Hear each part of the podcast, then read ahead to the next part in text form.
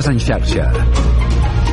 Bona tarda, són les 4. Us parla Mercè Roura. L'alcalde de Barcelona, Jaume Collboni, ha superat el primer tràmit per tirar endavant els nous pressupostos municipals amb l'aprovació inicial avui dels comptes. Esquerra Republicana i Barcelona en Comú hi han votat a favor. Tot i votar a favor d'aquesta aprovació inicial, els d'Ada Colau insisteixen a vincular el suport definitiu dels pressupostos a la seva entrada al govern municipal. Escoltem la regidora Janet Sanz té 30 dies per fer-ho, no? per fer aquest govern d'esquerres, ampli a Barcelona, i per fer allò que és de sentit comú.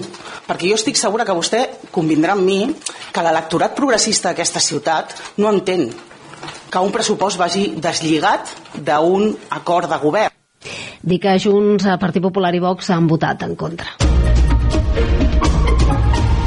I anem al Parlament perquè se celebra a hores d'ara un debat sobre la sequera, ja us ho hem dit, una trobada que veu amb escepticisme Didac Navarro, portaveu d'Ecologistes en Acció i de la plataforma Aigua és Vida, que creu que l'Agència Catalana de l'Aigua no és prou transparent amb les dades que publica. Hauríem de tenir les dades sobre la taula i de moment l'Agència Catalana de l'Aigua no està publicant aquestes dades. Si no sabem qui són eh, els grans sectors consumidors, si no sabem quines són les empreses que més aigua estan consumint actualment, no podem decidir quines són les activitats o els usos de l'aigua més prioritaris enfront d'uns altres. I, per tant, no podem fer una gestió eh, òptima d'aquest recurs que cada cop és més escàs al nostre país. Navarro creu que els espais de debat com la taula nacional de l'aigua estan sent molt decebedors perquè l'ACA no els passa informació clau, per exemple, quanta aigua consumeix el sector agroindustrial, més en concret aquelles explotacions intensives dedicades a l'exportació. Més temes. L'Oficina Federal de Justícia de Suïssa qüestiona la investigació del magistrat de l'Audiència Nacional Manuel García Castellón sobre Marta Rovira en la causa del tsunami democràtic. En resposta a la petició d'informació de García Castellón, l'organisme demana més informació a Espanya abans de verificar si la comissió rogatòria té un caràcter polític i si suspèn la petició del jutge que demanava localitzar Rovira a Suïssa informació sobre els seus moviments bancaris. I els Mossos d'Esquadra han desplegat aquest dimarts un dispositiu contra diverses xarxes criminals dedicades al tràfic de drogues, principalment pel que fa a la marihuana i la xix. En el marc d'aquesta actuació estan portant a terme diverses entrades i registres, majoritàriament a l'àrea metropolitana de Barcelona. De moment ja tenim un balanç eh, d'aquest dispositiu, que és de 15 detinguts i 21 entrades. La investigació, en tot cas, continua oberta. És tot de moment. Tornem amb més notícies en xarxa.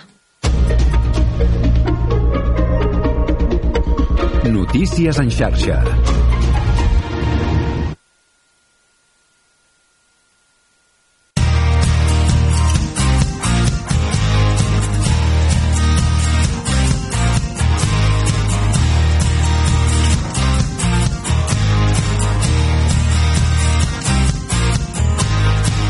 Carrer Major, un programa de ràdio Ciutat de Tarragona, Altafulla Ràdio, Ràdio Montblanc, Ràdio La Selva, Ona La Torre, la nova ràdio de Reus, Ràdio Hospitalet de l'Infant i Baix Camp Ràdio en col·laboració amb la xarxa de comunicació local.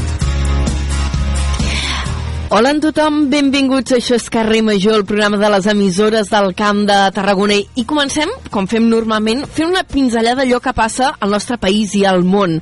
La mesa del Parlament ha tramitat la iniciativa legislativa popular impulsada per Solidaritat Catalana perquè la cambra catalana declari la independència tot i que hi ha un informe desfavorable de lletrat. Un informe que no és vinculant, d'entrada només és consultiu. Junts i la CUP han votat a favor. Esquerra s'hi ha abstingut, mentre que el Partit dels Socialistes s'hi ha oposat. Segons la proposició de llei que vol impulsar Solidaritat Catalana i com dèiem, la mesa del Parlament ha admès a tràmit, la declaració d'independència serà efectiva quan es donin tres circumstàncies. 1. Que s'aprovi la llei. Quan es negocia amb la comunitat internacional la forma i el moment de la declaració d'independència i quan sigui declarada per una majoria absoluta dels diputats en una sessió solemne del Parlament. Reaccions polítiques òbvies. Ciutadans ha dit que ho portarà al Tribunal Superior de Justícia i també al Constitucional sobre aquesta mm, decisió de la mesa d'emetre a tràmit la iniciativa legislativa popular sobre la independència si no actua Fiscalia d'ofici. Vox també ha anunciat que recorrerà al Constitucional. Això aquí a Catalunya. A Madrid, la mesa del Congrés ha acordat amb el vot del PSOE de sumar una pròrroga de 15 dies més per tramitar la llei d'amnistia i intentar que s'aprovi. L'objectiu és donar a marge per poder arribar a un acord amb Junts. Els socialistes, però, ja han advertit que no es mouran ni un centímetre més. En paral·lel, l'Oficina Federal de Justícia de Suïssa qüestiona la investigació del magistrat de l'Audiència Nacional, Manuel García Castellón, sobre Marta Rovira en la causa del tsunami democràtic. A resposta a la petició d'informació que ha fet el magistrat espanyol, l'organisme demana més informació a l'Estat. Per què? Doncs perquè volen comprovar si es tracta d'una investigació de caràcter polític, circumstància amb la qual han dit ja que no hi col·laboraran. Això són les notícies en plana política d'àmbit més general, però si anem a la concreció, destaquem dues coses. D'una banda, el govern català ha reclamat avui a l'Estat 50 noves places de jutges i magistrats i recursos econòmics per descongestionar als jutjats. Un problema que també es viu molt de prop aquí al territori i del qual ja hem parlat en diverses ocasions, entre altres persones, amb la degana del Col·legi d'Advocats de la demarcació de Tarragona. I des de Madrid, el president del govern espanyol, Pedro Sánchez, s'ha compromès avui a millorar i revisar el pla MOVES d'ajuts per comprar vehicles elèctrics. Ara ja hem fet una mica de pinzellada del que passa a nivell general i ara anirem al que ens agrada aquí, a la concreció, el que passa a casa nostra. Això és Carrer Major, el programa de proximitat de les emissores del Camp de Tarragona. Us acompanyem com cada tarda, de 4 a 6, tot l'equip que fem aquest programa. Som l'Iri Rodríguez, l'Aleix Pérez, en David Fernández, la Gemma Bufies, la Cristina Artacho, l'Adrià Requesens, en Jonai González, l'Eduard Virgili, l'Antoni Mellado, Antoni Mateos, jo mateixa que soc l'Anna Plaça i el control tècnic que hi tenim, el Dani Sánchez. Comencem.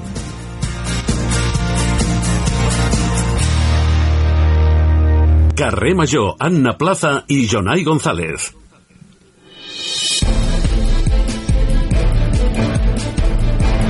El... Són les 4 i 7 minuts i anava a començar a llegir titulars directament. Ara és el moment de repassar els titulars de les notícies més destacades del dia al Camp de Tarragona. Ho fem, com sempre, amb en Jonai González. Jonai, bona tarda. Molt bona tarda. El Servei d'Atenció d'Emergències del 112 de Catalunya ha registrat 177.000 trucades al Camp de Tarragona durant l'any passat, el que representa un 0,9% més que el 2022. Les trucades que més augmenten són les relacionades amb la seguretat, els incendis i el trànsit. Tenir més informació no evita que els adolescents tarragonins consumeixin més alcohol i drogues. És un estudi de la Universitat Rovira i Virgili que constata també que, per exemple, les noies indaguen més però tenen consums més elevats en substàncies com el tabac. El govern no contempla que el Hard Rock sigui un escull per aprovar els pressupostos. Plaja assegura que no hi ha correlació directa entre els comptes de la Generalitat i els de Barcelona. La Direcció General de Patrimoni Cultural ja ha delimitat l'entorn de 31 dels 60 jaciments eh, prehistòrics reconeguts per la UNESCO. Aquí al Camp de Tarragona es protegiran, per exemple, els entorns de Gallican, al Priorat i de la Serra de la Mussarà, al Baix Camp. L'Ajuntament de Reus engega el projecte per renaturalització, renaturalitzar espais de la ciutat. Per començar, es construiran refugis climàtics en quatre escoles de la ciutat i també als seus entorns. En cultura destacarem que Tarragona tindrà un dia més de concurs de focs artificials. És la gran edició de la, la gran novetat de l'edició d'enguany. Aquest dia extra es realitzarà per fer un espectacle de drons per a persones amb sensibilitat acústica. I estan en marxa les obres per obrir el futur centre de la imatge Paco Andreu de l'Hospitalet de l'Infant. La reforma del local de l'antiga botiga i estudi fotogràfic de la plaça Catalunya permetrà a l'Ajuntament habilitar-hi un punt de servei de l'arxiu municipal. I en esports us explicarem que Tarragona es prepara per allotjar 10 dies del millor tennis taula espanyol. El Palau d'Esports Catalunya acollirà per primera vegada les tres competicions nacionals més destacades del calendari anual amb la participació de més d'un miler d'esportistes. Doncs moltes gràcies, Jonai. D'aquí una mitja hora aproximadament repassarem aquestes i altres notícies. Fins després. Fins ara.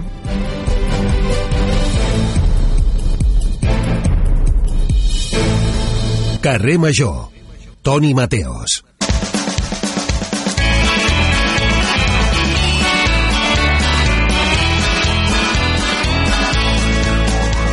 Hello, Mateos. Hello, Anna Plaça, com estàs? Com?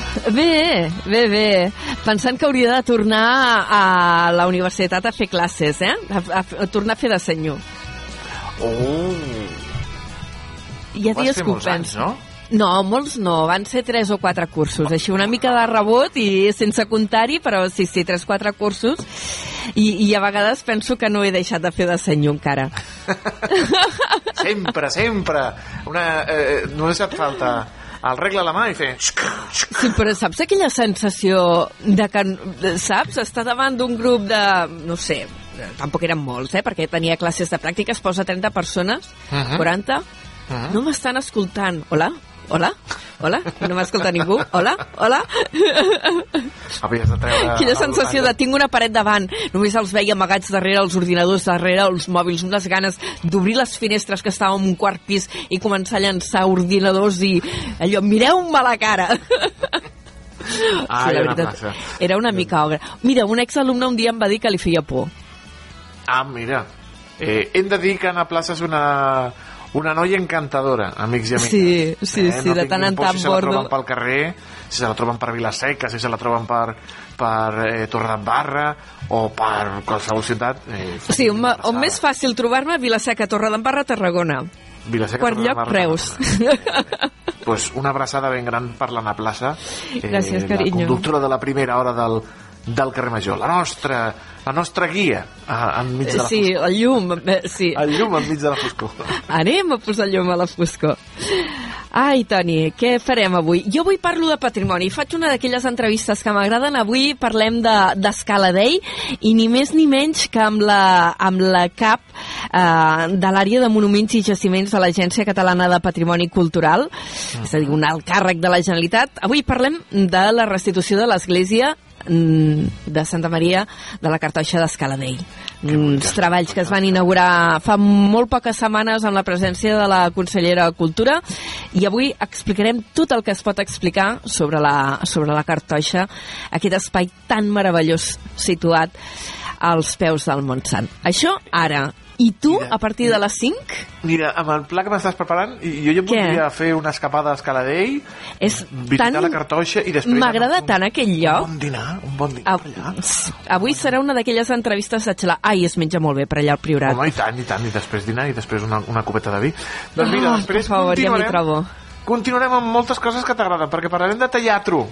Amb la Gemma Andreu, Sí, dels Amics del Teatre de Vilaseca, aquesta Sí, nova sí. temporada.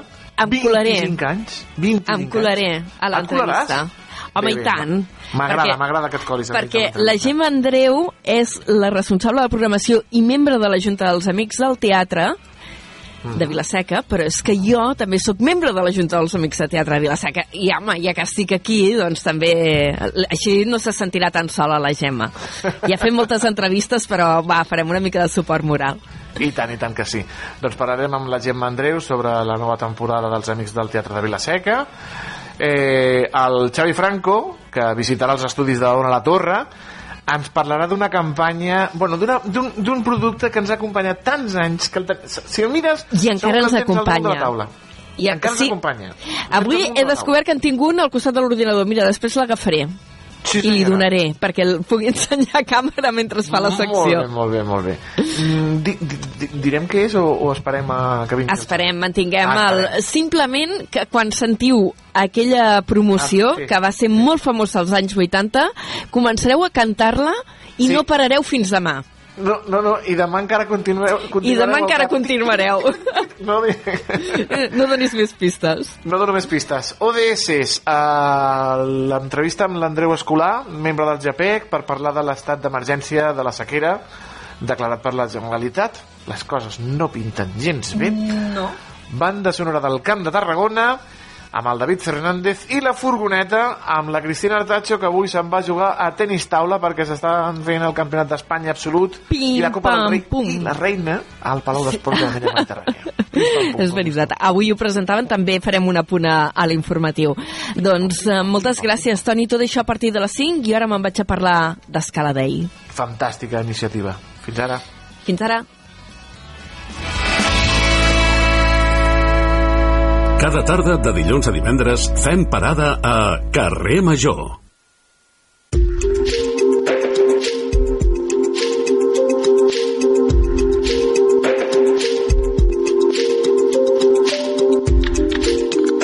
Seguim passejant pel carrer major de les emissores del Camp de Tarragona i avui mm, ens movem una mica més pel territori i anirem fins al Priorat per parlar d'Escaladei, perquè tot just ara fa unes setmanes, a finals del mes de gener, es van inaugurar les obres de restitució de l'església de la Cartoixa.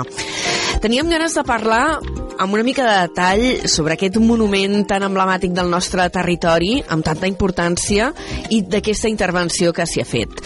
I en parlarem amb la Carme Vergés, que és cap de l'àrea de monuments i jaciments de l'Agència Catalana de Patrimoni Cultural, que ens atén per telèfon. Senyora Vergés, bona tarda i benvinguda a Carrer Major.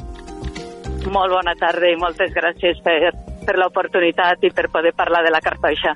Eh, ara el que vau presentar és el resultat eh, d'un treball de 4 anys i amb una inversió molt important, de 4 milions d'euros. Què és exactament el que s'ha fet?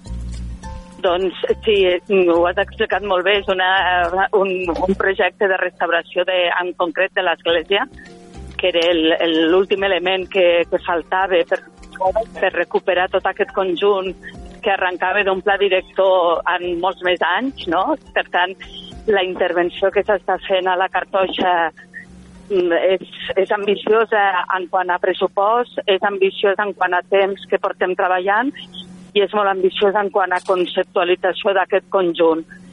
Ara, el que han fet amb aquests darrers quatre anys és aquesta recuperació de l'església que inauguràvem a finals de, de gener, l'església que és com un dels elements principals de la cartoixa, dels més emblemàtics, i que, com tots els de territori sabeu, estava quasi bé ensorrada. Mm. Eh, Per aquest motiu parlem de restitució, oi? Perquè estava enrunada arran de les eh, desamortitzacions que ha, de l'Església que hi va haver al segle XIX eh, i el que s'ha fet és recuperar alguns elements eh, originals i d'altres s'han hagut de reemplaçar, entenc. Sí, exacte. L'església es trobava parcialment enrunada, és a dir, li faltava bona part de, de la coberta, que és un dels elements més delicats i que provoca el, bueno, que l'abandó sigui molt més, molt més gran. I, i, i hi havia, amb espais hi havia des de dos metres a quatre metres de runa que no ens permetien ni veure ni entendre com se configurava aquest espai tan central de la cartoixa. Llavors, és restitució en tant que hi ha un procés de restauració dels elements originals conservats i dels que no s'han conservat s'ha procurat reconstruir amb, amb un criteri absolutament arqueològic, però que es noti que és aquesta part nova, seguint els mateixos criteris que s'havien fet amb la resta de, de galeries del claustre major o d'altres elements que al llarg de quasi bé 20 anys s'han anat, anat recuperant. Ah. permès aquesta, aquesta restitució. El, sobretot, jo aquí vull posar el foc d'atenció en què primer ens obliga a fer tot un exercici de, com, de reflexió de què volem ensenyar i en quin moment ens centrem de l'Església, perquè l'Església és un, la fàbrica originària és del segle XIII, però que ha viscut diferents moments constructius i ens trobàvem que la fàbrica de- d'època moderna, del segle XVIII, XVII i XVIII, era la més potent, la més important i la que, de la que conservàvem més elements. I ens vam centrar en aquesta recuperació, en aquest estudi, eh, insistir en la importància no només de l'obra arquitectònica, sinó de la immensa feina que s'ha fet amb recerca arqueològica i històrica que ens ha permès interpretar tots aquests espais. No sé si hi va haver debat a, a mesura que anaven avançant aquests treballs també d'excavació de, que vau haver de fer, perquè comentava no, que hi, hi havia entre 2 i 4 metres de, de runa per anar excavant i anar traient elements originals. Eh, si va haver debat sobre si s'havia de restituir, fer aquesta mena de reconstrucció o s'havia de deixar l'esquelet? Hi va haver aquest debat? O es tenia molt clar que s'havia de fer? Amb, amb qualsevol procés d'activació patrimonial aquest debat hi són i més amb un conjunt com la cartoixa en què hi havia una part important d'aixecar elements que ara eh, són inexistents. El debat existeix, evidentment, però és un debat que, que jo crec que portava molts anys portant-se a terme.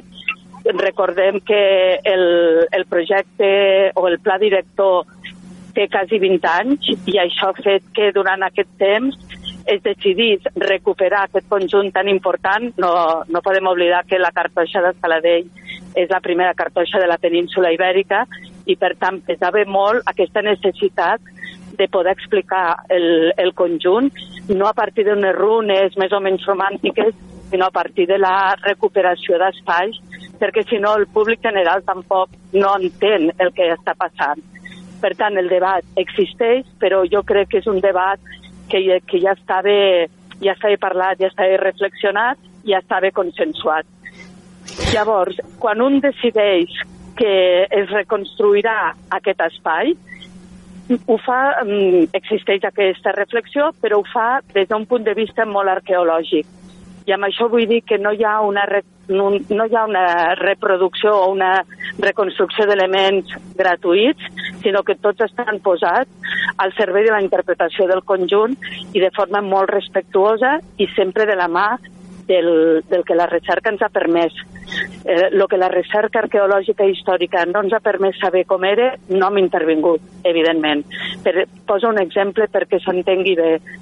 A, a, sota tots aquests metres de runa que, que hi havia, es van, sur van sortir una part important de fragments de l'arrimador que, que embellien l'espai del sagrari doncs aquest, aquests arrimadors, aquests fragments s'han reconstruït, s'han, perdó, s'han recuperat i s'han col·locat al lloc originari, però no s'ha reproduït les parts que hi falten. El paviment s'ha recuperat una part molt important del que hi havia a les rajoles que estan perdudes o la part de paviment que està perdut s'ha reproduït amb, una, amb un paviment semblant en quant a color, però diferent, que un pot identificar perfectament el que és original del que és nou. Aquest és un de, una mica el criteri que s'utilitza actualment, no? Allò, si s'ha si de reconstruir alguna cosa que sigui d'una manera suficientment diferenciada eh, per, per poder distingir quin és l'element original i el que s'ha reproduït ara amb voluntat de tenir una visió de conjunt. És aquest el criteri. Exacte totalment. Primer, que tant en materials com en treball es vegi el que és nou i sobretot insisteixo en que tingui una base de recerca i de científica, que, que sapiguem que el que estem fent és el que era, perquè si no correm el risc de cometre falsos històrics, que és el que hem intentat evitar i que crec que ho hem aconseguit. En la inauguració, en la qual, per cert, va, va participar la, la consellera de Cultura, Natàlia eh, Garriga, eh, vau explicar que s'havien recuperat elements dels quals fins ara només teníeu constància documental. I entre aquests hi ha tres capelles gòtiques. Sí, sí, sí, sí. El, això és el, el, la gran potència de la recerca arqueològica que s'ha dut a terme. Han pogut reproduir, ai, reproduir, perdó, conèixer i recuperar espais originaris que coneixíem només per la documentació i que ara el, tenen bueno, tota la seva estructuració i que ens permet, a més, entendre molt bé com funcionava la vida a la cartoixa. Ara, en aquest cas s'han recuperat aquestes capelles gòtiques. Uh, de moment no estan incloses a la visita perquè falta acabar d'adequar-les per, per, per a l'accés, però ens permeten entendre com, uh, com s'organitzava aquesta vida cartoixana que barreja la vida en comunitat en moments puntuals amb aquesta vocació eremítica, no? Eh, I sabem que cada, cada pare dels que formaven la comunitat havia de celebrar missa amb una capella individual. Sí, estem parlant no de capelletes petites laterals, eh, ens les hem d'imaginar mínimament grans o com, com serien? Perquè entenc que tard... No, són, d'una dimensió, tot i que són capelles per la missa individual de cadascun dels pares, són bastant grans, eh? N'hi han de més petitones i de més grans, segurament mm, la que està destinada a un, a un pare o a un monjo més, eh, amb, més important, no? per categoria tindria una capella més, més gran, però tenen, igual que les cel·les també sorprenen perquè tenen una gran dimensió, les capelles també. Uh, deia que encara s'hi ha d'acabar d'intervenir. Entenc, per tant, que encara que es vagi a fer aquesta inauguració ara, ara fa uns dies, el treball de restauració i recuperació d'elements de la cartoixa d'Escaladell encara no ha acabat? Bé, queda algun detall, com pot ser aquestes capelles, que és un, són detalls molt mínims de terra, d'adequació del terra i il·luminació. El que ara sí que tenim molt clar des del Departament de Cultura és que la cartoixa ara té un gruix d'elements arquitectònics molt important que ens permet ja fer aquesta visita i entendre l'espai i que ara l'esforç del Departament i de la Generalitat s'ha de posar amb la interpretació de tots aquests elements, no tant amb recuperar nous espais, que de moment ja no està, no previst en absolut, sinó que ara és el moment de, de millorar l'experiència de visita. Jo a vegades, perquè s'entengui, mm, poso l'exemple de que fins ara s'ha posat molt la lupa al monument, que és la nostra matèria primera i, per tant, el fonamental, però ara ens interessa posar la lupa d'atenció al, al visitant i, i a l'experiència de, de visita que oferim. De fet, vau anunciar també que a finals d'any eh, la cartoixa d'Escaladell s'incorporarà un projecte que heu anomenat Els ulls de la història, que és un projecte immersiu. Què vol dir això? Sí, eh, justament és un projecte molt ambiciós que intervé amb cinc monuments diferents, de moment, al llarg del 24 i del 25, i un d'aquests monuments que, que s'ha triat perquè formi part d'aquest projecte és el, la cartoixa d'Escaladell. Es diu Els ulls de la història perquè és un projecte que pretén mirar el monument d'una altra manera i permetre multiplicar les mirades també cap a, cap a aquest monument però no només per la utilització de tecnologia, d'aquí que, que diguem que és una mirada immersiva al patrimoni. Hi ha una aposta molt important per la tecnologia, però aquesta nova mirada també té molt a veure amb l'actualització dels, dels relats, amb, amb la revisió de les narratives, com s'ha explicat la història, a partir de quins personatges i de quines històries hem construït aquesta història oficial, podríem dir. Volem sacsejar una mica a aquesta història més hegemònica, introduir noves comunitats, noves mirades, noves reflexions. Per tant, el, la línia transversal que, que defineix aquest projecte és aquesta revisió de, de relats a partir de, per exemple, la microhistòria i poder parlar una mica de la quotidianitat del dia a dia d'aquest monument viscut perquè connecta d'una forma més directa i més emocional amb el visitant. Uh, I això ho farem amb diferents eines. Eh? No sí, anava a preguntar una mica per les eines, de, a banda del relat, que ara si vol hi entrarem, però quin tipus d'eines? Uh, quan parleu de visita immersiva, què vol dir? Que arribarà la gent allà i tindrà una aplicació al mòbil doncs, eh, per poder fer una, una recreació virtual de com era originalment l'espai o amb unes ulleres de realitat augmentada? Com, quin, quin tipus sí. d'eines uh, està previst utilitzar? Som, són vàries. Mira, comencem per, per la creació al monument d'un espai que anomenem espai immersiu o de realitat virtual, on amb grups i amb, amb grups d'unes 20-25 persones es podrà fer un primer contacte amb el monument a partir d'aquestes ulleres de realitat virtual que cada cop estan molt més avançades i, i et permeten interactuar no només amb allò que estàs veient, sinó també amb, amb la gent amb la que estàs fent la visita al monument. I allí, amb aquestes, eh, amb aquestes ulleres de realitat virtual, per dir-ho d'alguna forma, t'explicarem una història al voltant del, del monument perquè tingui, el visitant tingui les eines per començar la visita i entendre per començar o per acabar-la, eh? perquè pot ser aquest espai immersiu, pot ser introductori o pot ser conclusiu. Val? Depèn de l'estructura i de la història de cada monument. Però tu et posaràs les ulleres i veuràs amb realitat virtual com funcionava el monument i com s'hi vivia el dia a dia i, i què és el que estàs a punt de visitar. Però després, més enllà d'aquest espai immersiu, s'està treballant amb una guia multimèdia, el que podríem entendre com una audioguia, però amb molts suports tecnològics diferents, que a través del, del teu propi mòbil podràs veure, per exemple, eh, elements patrimonials que ara no existeixen o que estan de forma fragmentària i que podrem reconstruir a partir de la, de, de la tercera de, de, de les reconstruccions 3D. Mm. Eh, parlava també del, del eh, que per cert enguany mm, celebra 830 anys de la seva fundació. Um, sí.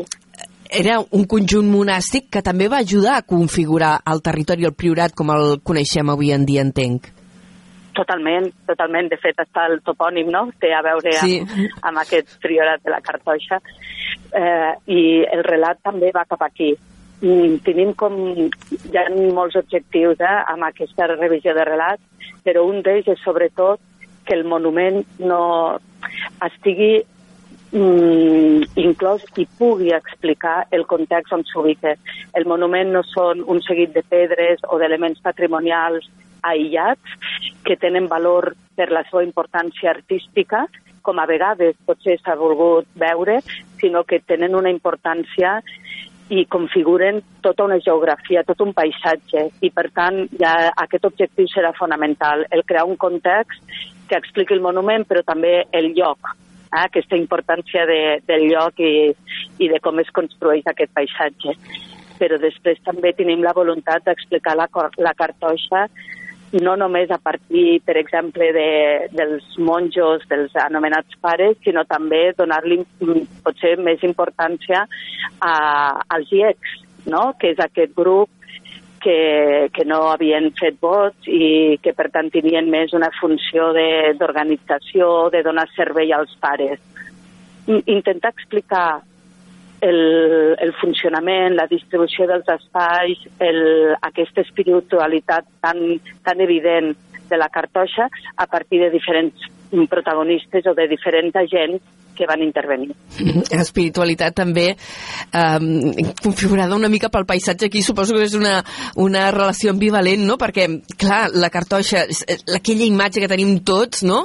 Eh, que ara queda l'arcada d'accés i veus al darrere el Montsant, aquella fotografia tan reproduïda que és, és màgica, no? O sigui, el fet d'estar allí al peu d'una muntanya tan singular Totalment. Jo, a més, utilitzo molt aquesta paraula que has, que has dit tu, la de aquest, aquest aspecte màgic quasi que té el monument.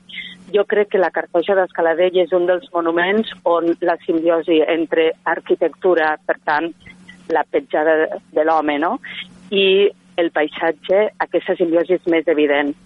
Eh, tu quan entres a la Cartoixa i veus el portal de l'Ave Maria, que quasi es confon amb el, amb el Montsant és brutal. Per tant, jo crec que és un, un dels conjunts que millor va saber ubicar-se i conviure amb el seu propi paisatge i per això ho hem d'explicar. I, i, i com aquest monument es va utilitzar a, al, al moment en què està en funcionament com a cartoixa, però també com s'està utilitzant ara i com té un paper simbòlic d'orgull de, de pertinença en un territori i que pot unir tots aquests agents. Per tant, aquesta revisió de, del relat també intenta incorporar aquesta mirada contemporània i com el patrimoni té molts usos que hem de saber aprofitar.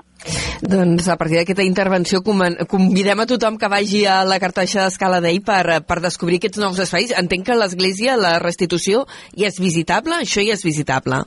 Sí, sí, sí, és visitable des de l'endemà d'haver inaugurat de fet, vam fer, el primer cap de setmana vam fer jornada de portes obertes veritat, sí. i hem estat oferint visites guiades gratuïtes a l'església. Uh -huh. Doncs descoberta de nou espai dintre de tot el conjunt de la cartoixa d'Escaladell. A finals d'any aquestes novetats de visites immersives i de reinterpretació eh, de l'espai des del punt de vista històric, en anar portant eh, més elements al relat.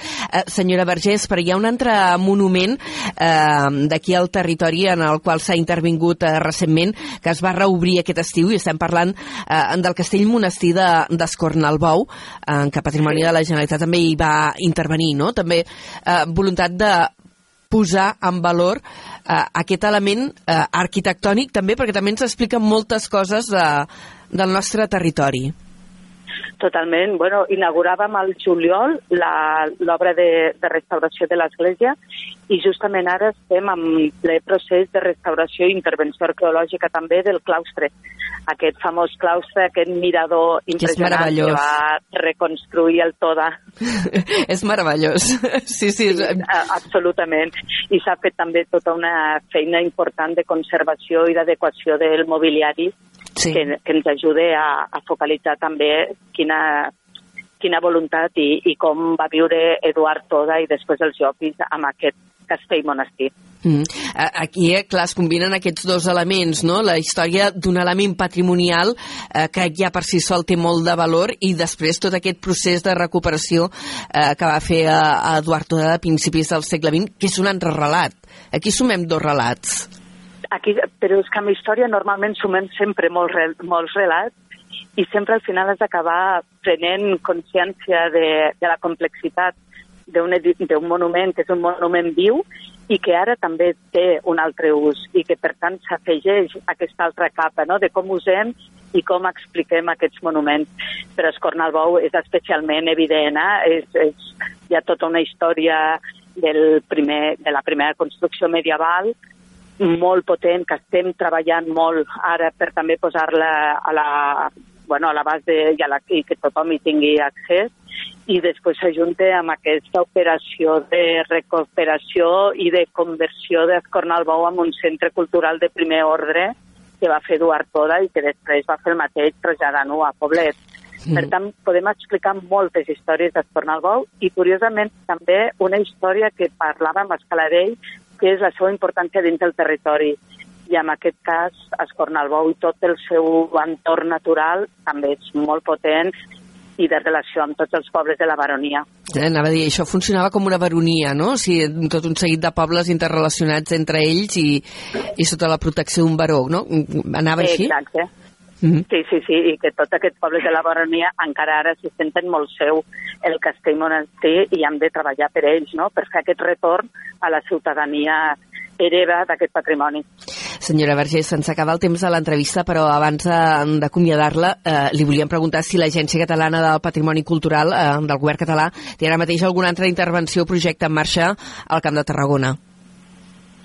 Doncs ara la veritat és que amb aquestes dues intervencions tenim moltíssima feina perquè pensa que, per exemple, la intervenció al claustre ens està portant també moltes novetats de com funcionava el claustre medieval, o sigui... El, el claustre de quin dels dos? Escornalbou o, o Escaladei? Perdona? En quin dels dos claustres? D'Escornalbou? El de, el de Val. Digui'm, digui'm. Potser m'he equivocat i he dit... No, no, no, no, no ho havia especificat, ah. per això li demanava en quin dels dos, com que hi ha claustre també a escala d'ell, a Escornalbou. Sí. Doncs eh, està sí, portant sí, sí. sorpreses o està aportant nous elements? Està portant sorpreses que encara, encara estem treballant, però que sí que ens permetrà conèixer millor com funcionava el claustre medieval i tot el sistema, bueno, com, com es va re, refent eh, en època moderna i després en època de l'Eduard Toda la recerca històrica i arqueològica és la nostra eina de coneixement i després la, la feina és a, a fer aquest retorn, aquesta transferència de, del coneixement. Perquè quan hi per puguem... tant, amb aquestes dues obres anem amb, molt enfeinats, però és que també estem treballant a Santes Creus amb, el, amb, la, amb la restauració del claustre, o sigui que eh, déu nhi doncs li agraïm moltíssim a, a la Carme Vergés eh, que ens hagi acompanyat avui a, a Carrer Major. Ella és la cap de l'àrea de Monuments i Jaciments de l'Agència Catalana de Patrimoni Cultural i hem parlat d'aquesta última intervenció que s'ha fet a Escaladei. Ara al final també hem parlat una mica d'Escornalbou i convidem a tothom a, a descobrir, si no els coneixen, aquests monuments a casa nostra que són una autèntica meravella. Molt bé, moltíssimes gràcies i tots convidats a, a veure aquests monuments que ens parlen de nosaltres. Senyora Vergés, fins la propera, que segurament tornarem a parlar algun dia. Adéu-siau. I tant, moltes gràcies. Adéu. Tot el que passa al Camp de Tarragona t'ho expliquem a Carrer Major.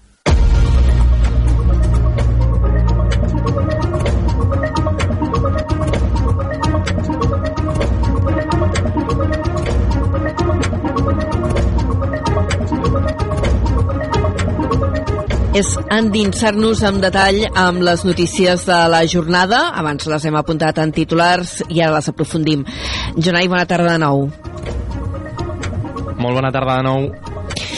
Comencem destacant avui que el Servei d'Atenció d'Emergències del 112 ha registrat 177.000 trucades al Camp de Tarragona durant el 2023. Això representa un 0,9% més que l'any anterior. Les trucades que més han augmentat són les relacionades amb la seguretat, els incendis i el trànsit. Aquestes són les principals dades presentades aquest dimarts en el primer balanç territorial del 112. Aquestes apunten a una disminució d'avisos per demanar assistència sanitària i per civisme. En canvi, s'ha produït un increment de trucades relacionades amb la violència masclista.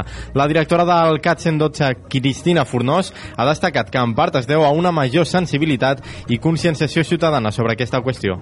Que el número de trucades de violència masclista hagi crescut eh, vol dir que hi ha més casos de violència masclista és, és un àmbit que no em pertoca a mi eh, comentar-lo, però en tot cas sí que eh, el que estem veient és que hi ha una, una major participació per part de la societat. No?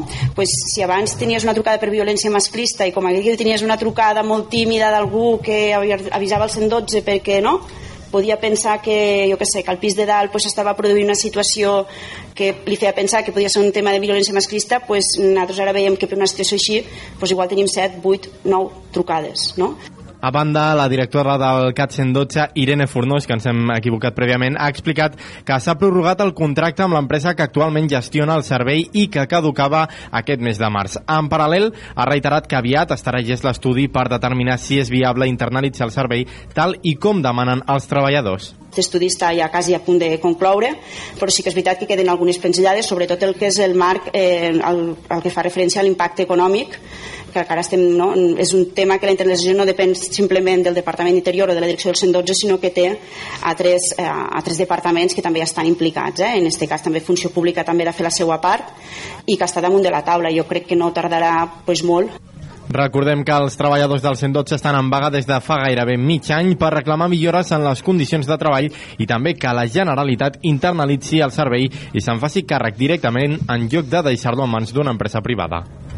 Avui també us destaquem que un estudi de la Universitat Rovira i Virgili mostra la normalització del consum d'alcohol entre els adolescents.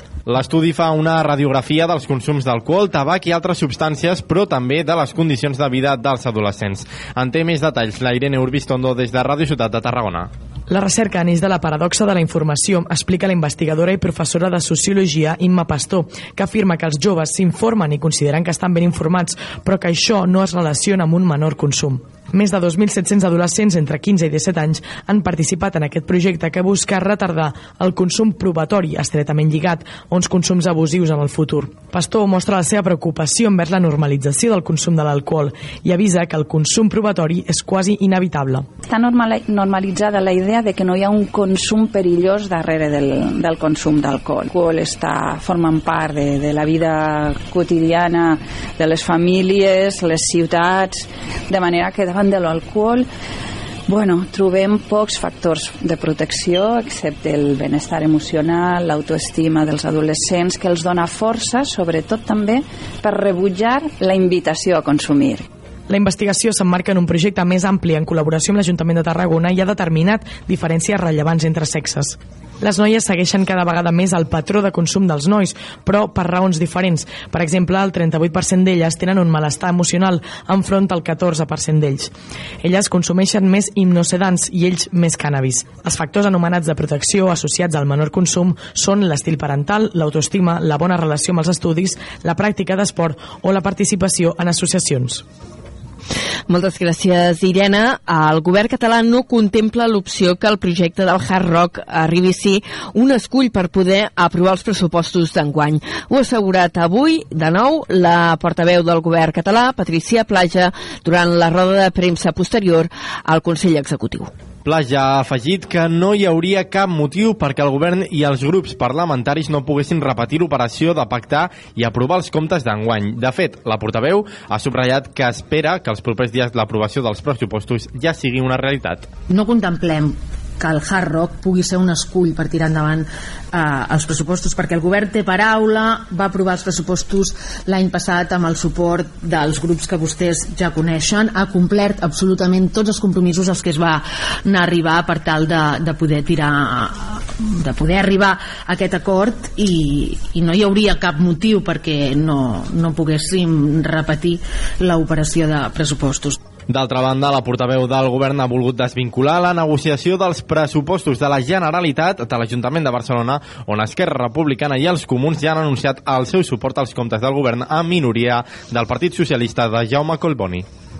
I en relació amb els pressupostos catalans, el president de la Generalitat, Pere Aragonès, ha anunciat també avui que inclouran més de 1.000 milions d'euros eh, per combatre la sequera. L'anunci l'ha fet en el marc del ple monogràfic sobre la sequera i el canvi climàtic que s'està fent al Parlament. I amb un altre ordre de coses, la Direcció General de Patrimoni Cultural ja ha delimitat l'entorn de 31 dels 60 jaciments amb pintures paleolítiques eh, reconegut per la UNESCO. El Camp de Tarragona concretament es protegiran els entorns de Gallicant, el Priorat i de la Serra de la Mussara al Baix Camp.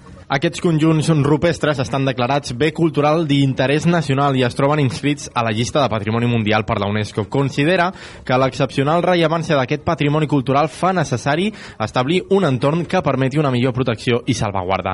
El conjunt pictòric de l'abric de Gallican, a Cornudella de Montsant, té un total de 18 figures pintades d'un color vermell que estan molt viu, que es poden distingir en dos grups separats. En aquest cas, la delimitació es configura com un entorn ampli que abasta un tram de la cinglera on se situa l'abric i i inclou la zona delimitada que abasta un total de 12 hectàrees. El jaciment de l'abric de la Serra de la Moixarà, Vilaplana, presenta un conjunt format per un total de 24 figures d'estil esquemàtic abstracte. Moltes d'aquestes figures són de difícil interpretació i d'altres són d'un estil més esquemàtic, com els quadrúpedes o les figures humanes. La figura més destacable del conjunt és el grup de nou figures humanes unides per les espatlles que podrien estar representant algun tipus de cerimònia. En aquest cas, la zona delimitana és de 16 hectàrees.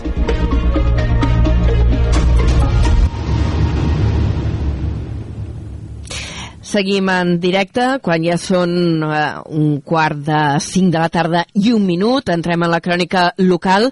L'Ajuntament de Reus engega el projecte per renaturalitzar la ciutat. Per començar, es construiran refugis climàtics en quatre escoles de la ciutat i els seus entorns. Des de la nova ràdio de Reus ens ho explica la Laura Navarro. S'implantaran un conjunt d'arbres per aconseguir zones d'ombra, es construiran pèrgoles vegetals i se substituiran els paviments durs per paviments permeables. Les escoles de la ciutat que formaran part d'aquesta iniciativa són l'Escola Pompeu Fabra, General Prim, Teresa Miquel i Maria Fortuny. A més, els nous refugis climàtics seran accessibles per tota la ciutadania en horari no escolar. La licitació de la redacció dels projectes té un pressupost de 90.000 euros, tot i que encara es desconeix el pressupost d'execució. Sandra Guaita, alcaldessa de Reus, explica que es tracta d'un projecte molt transversal. Aquest projecte ens agrada perquè és un projecte molt transversal, eh, que ens permet una transformació urbana evident, des d'aquesta visió de ciutat verda i sostenible, ens permet una transformació també en els hàbits de la pròpia ciutadania, amb aquesta visió de ciutat saludable també, però ens, ens permet també una transformació social. L'habilitació de les escoles és el primer punt que s'engega del projecte Renatur Reus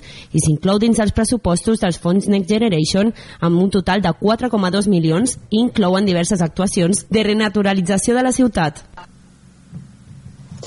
Moltes gràcies, Laura. Seguim avançant pel territori en anem al Baix Gaià. El govern de Torre d'Embarra defensa que han fet tot allò que han pogut per trobar una seu alternativa pel Bike Park Costa Daurada de la Torre. L'entitat haurà de deixar a finals d'aquest any les seves instal·lacions a tocar del cementiri perquè són de titularitat municipal i allà s'ha de construir el futur centre d'atenció primària de Torredembarra. Ens ho amplia des d'Ona la Torre en Josep Sánchez. El segon tinent d'alcalde, Raül Garcia, que va ser regidor d'Esports durant els dos últims mandats, ha comentat que des de l'Ajuntament s'ha ofert una alternativa al Bay Park en uns terrenys situats a la mateixa zona esportiva. Reconeix, però, que són molt més petits que les instal·lacions actuals i que no cobreixen les necessitats del club. Amb tot, apunta que cal ser realistes i explica que no tenien cap altra opció a oferir. Al, al final eh, és, és difícil eh, complir amb totes les voluntats i totes les, necessitats, això sí que entre cometes, de les entitats. És a dir, hem de ser realistes a on som i què pot suportar l'Ajuntament. Garcia afegeix que el problema ve de lluny perquè neix d'una sessió dels terrenys que no es va arribar a formalitzar. Segons apunten des del Bay Park, les previsions són que hagin de deixar els terrenys al mes d'octubre. Fa uns dies el Departament de Salut va treure a licitació la redacció del projecte del futur CAP i la direcció d'obres. Anem ara a l'Hospital Universitari Joan 23 de Tarragona, que ha incorporat tres nous equips per al diagnòstic de càncer i malalties del cor eh, per reforçar l'aposta tecnològica del centre. Es tracta d'una sala de rajos X digital robotitzada i un equip de tomografia computada. Ens ho explica des de Ràdio Ciutat de Tarragona, l'Adrià Duc. Els nous dispositius compten amb intel·ligència artificial i maquinària robotitzada, que permetrà fer més diagnòstics més precisos i en menor temps. Per la seva banda, la doctora Marta Milà, cap de l'àrea de Medicina Nuclear de l'IDI Tarragona, destaca que el disseny de les instal·lacions s'ha fet en col·laboració amb diversos professionals i procurant el màxim confort per a les persones ateses. És per que ara els espais incorporen grans imatges de paisatges naturals i una il·luminació regulable creant un clima de tranquil·litat i serenor que ajudi a disminuir l'angoixa que sovint acompanya les persones que es fan aquestes exploracions. Amb el nou equipament, la regió sanitària del Camp de Tarragona disposa actualment de 49 aparells gestionats per l'IDI, al servei d'unes 800.000 persones, i el projecte ha suposat una inversió conjunta d'uns 350.000 euros en els treballs de reforma i condicionament de les instal·lacions. A banda, la l'adquisició dels nous equipaments ha tingut un cost d'un milió i mig d'euros.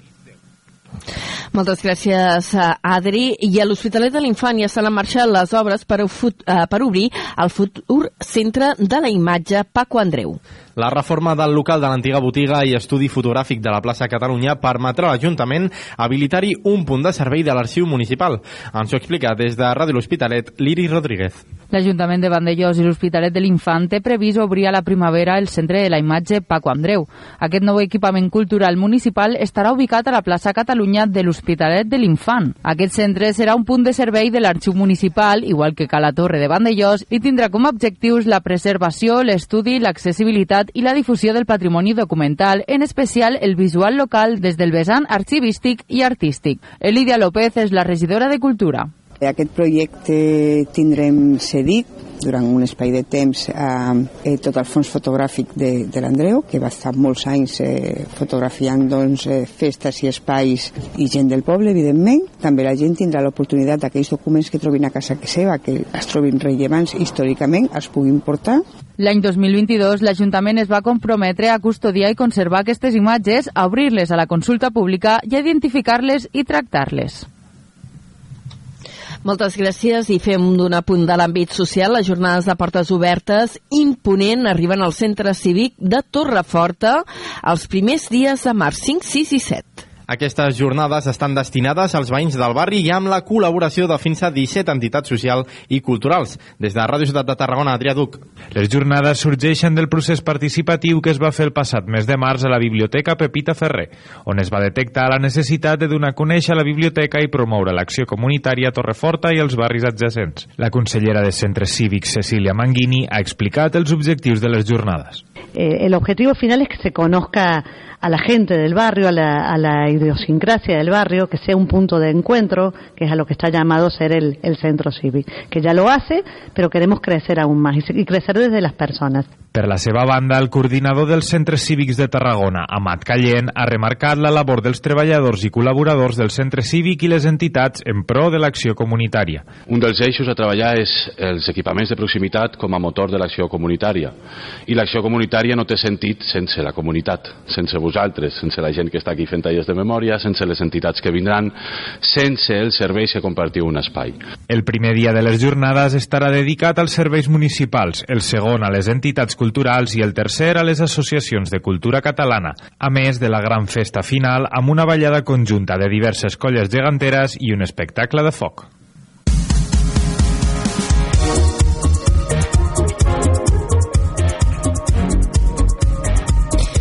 I anem ara amb aquesta sintonia a la informació esportiva, avui protagonitzada pel tenis taula. De fet, Tarragona es prepara per acollir 10 dies del millor tenis taula espanyol. El Palau d'Esports de Catalunya acollirà per primera vegada les tres competicions nacionals més destacades del calendari anual i participaran més d'un miler d'esportistes. Estem parlant dels campionats d'Espanya absolut de tenis taula i també la Copa del Rei i de la Reina. El torneig estatal es desenvoluparà en dos caps de setmana, aquest cap de setmana 23, 23 i 25 de febrer i el primer cap de setmana de març, l'1 al 3 de març.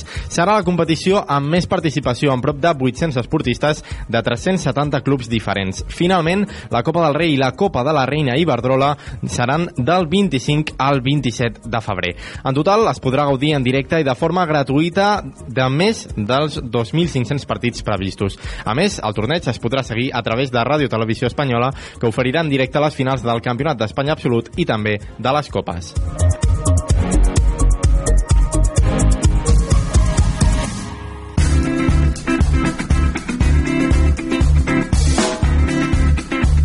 I anem a parlar de cultura. Tarragona tindrà un dia més del concurs de focs artificials. És la gran novetat de l'edició d'enguany del certamen. I aquest dia extra servirà per fer un espectacle de drons per a persones amb sensibilitat acústica. En té més detalls la Cristina Artacho des de Ràdio Ciutat de Tarragona. En una entrevista al Bon Dia Tarragona, la consellera ha repassat algunes de les cites més importants del calendari cultural a la ciutat. Considera que Tarragona és una ciutat molt activa en aquest sentit, però certs esdeveniments són pocs coneguts en certes ocasions, pel qual cal fer apostes clares i analitzar els motius. En aquest sentit, l'Ajuntament ja treballa en el Pla Estratègic de Cultura, que precisament aquesta setmana reprèn el procés participatiu. Sandra Ramos ha fet referència al Sona Flamenc, on considera que hi ha hagut canvis interessants amb la incorporació d'un director artístic. Pel que fa al Festival d'Estiu al Camp de Mart, ha detallat que s'obrirà amb una òpera. Pel que fa a una de les cites més consolidades i multitudinàries, el concurs de focs artificials ha sorprès anunciant una novetat. Hi haurà un dia extra fora de concurs on es farà un espectacle de drons pensat per a les persones amb sensibilitat acústica música. Concurs de focs artificials, que hi haurà alguna novetat enguany també dins del concurs. Quina? Mm. doncs hi haurà un dia extra fora de concurs eh, on hi haurà espectacle de drons que està especialment adreçat per persones que tenen sensibilitat acústica. Pel que fa a la tabacalera, Sandra Ramos ha remarcat que continuen amb la idea que sigui biblioteca provincial. Ha remarcat, però, que el finançament és de l'Estat i la gestió és responsabilitat de la Generalitat. Moltes gràcies i acabarem fent un apunt d'una activitat, una proposta que ens arriba des del Caixa Fòrum Tarragona. Es tracta d'una nova edició del cicle Paraules de Ciència que pretén acostar la ciència a la societat amb tertúlies amb investigadors i divulgadors. Entre els temes que es tractaran en guany, doncs, eh, hi ha la plasticitat cerebral, la configuració de la ciència moderna o com retardar l'envelliment molecular. Entre els participants en enguany Hi ha, per exemple, el divulgador i historiador de la ciència i autor de molts llibres de referència, on José Manuel Sánchez Ron. Dit això, tanquem la primera hora.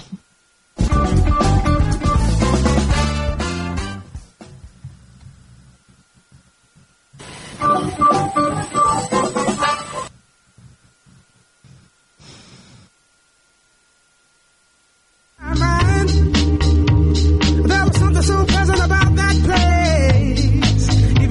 emotions have an echo in so much space.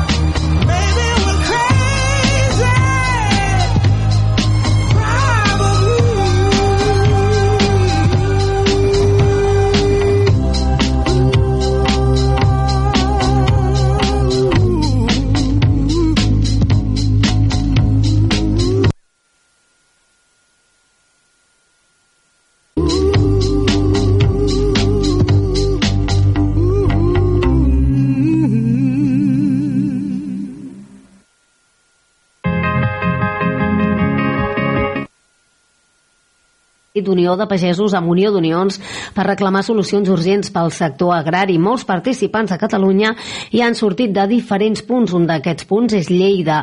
Allà connectem amb la nostra companya Anna Jordà de UAU Lleida Ràdio. L'escoltem. Bona tarda.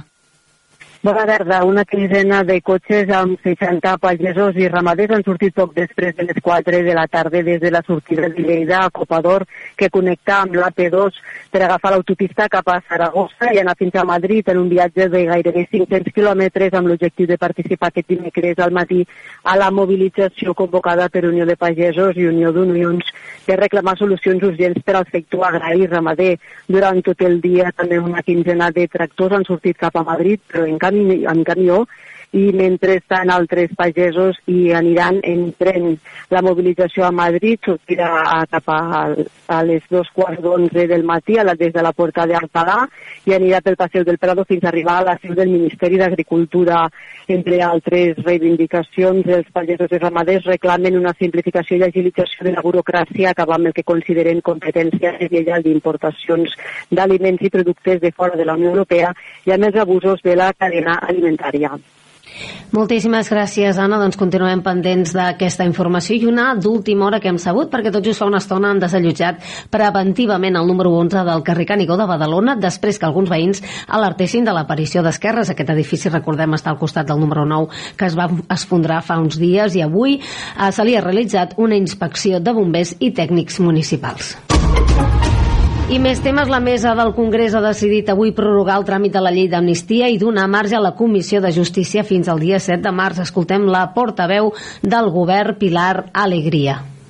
Esta misma mañana la propia mesa ha aprobado esa prórroga hasta el próximo 7 de marzo y desde luego yo lo único que les puedo decir es que sería deseable que esa ley se aprobase lo antes posible porque además creo que nadie, especialmente en Cataluña, entendería que esa ley no se aprobase.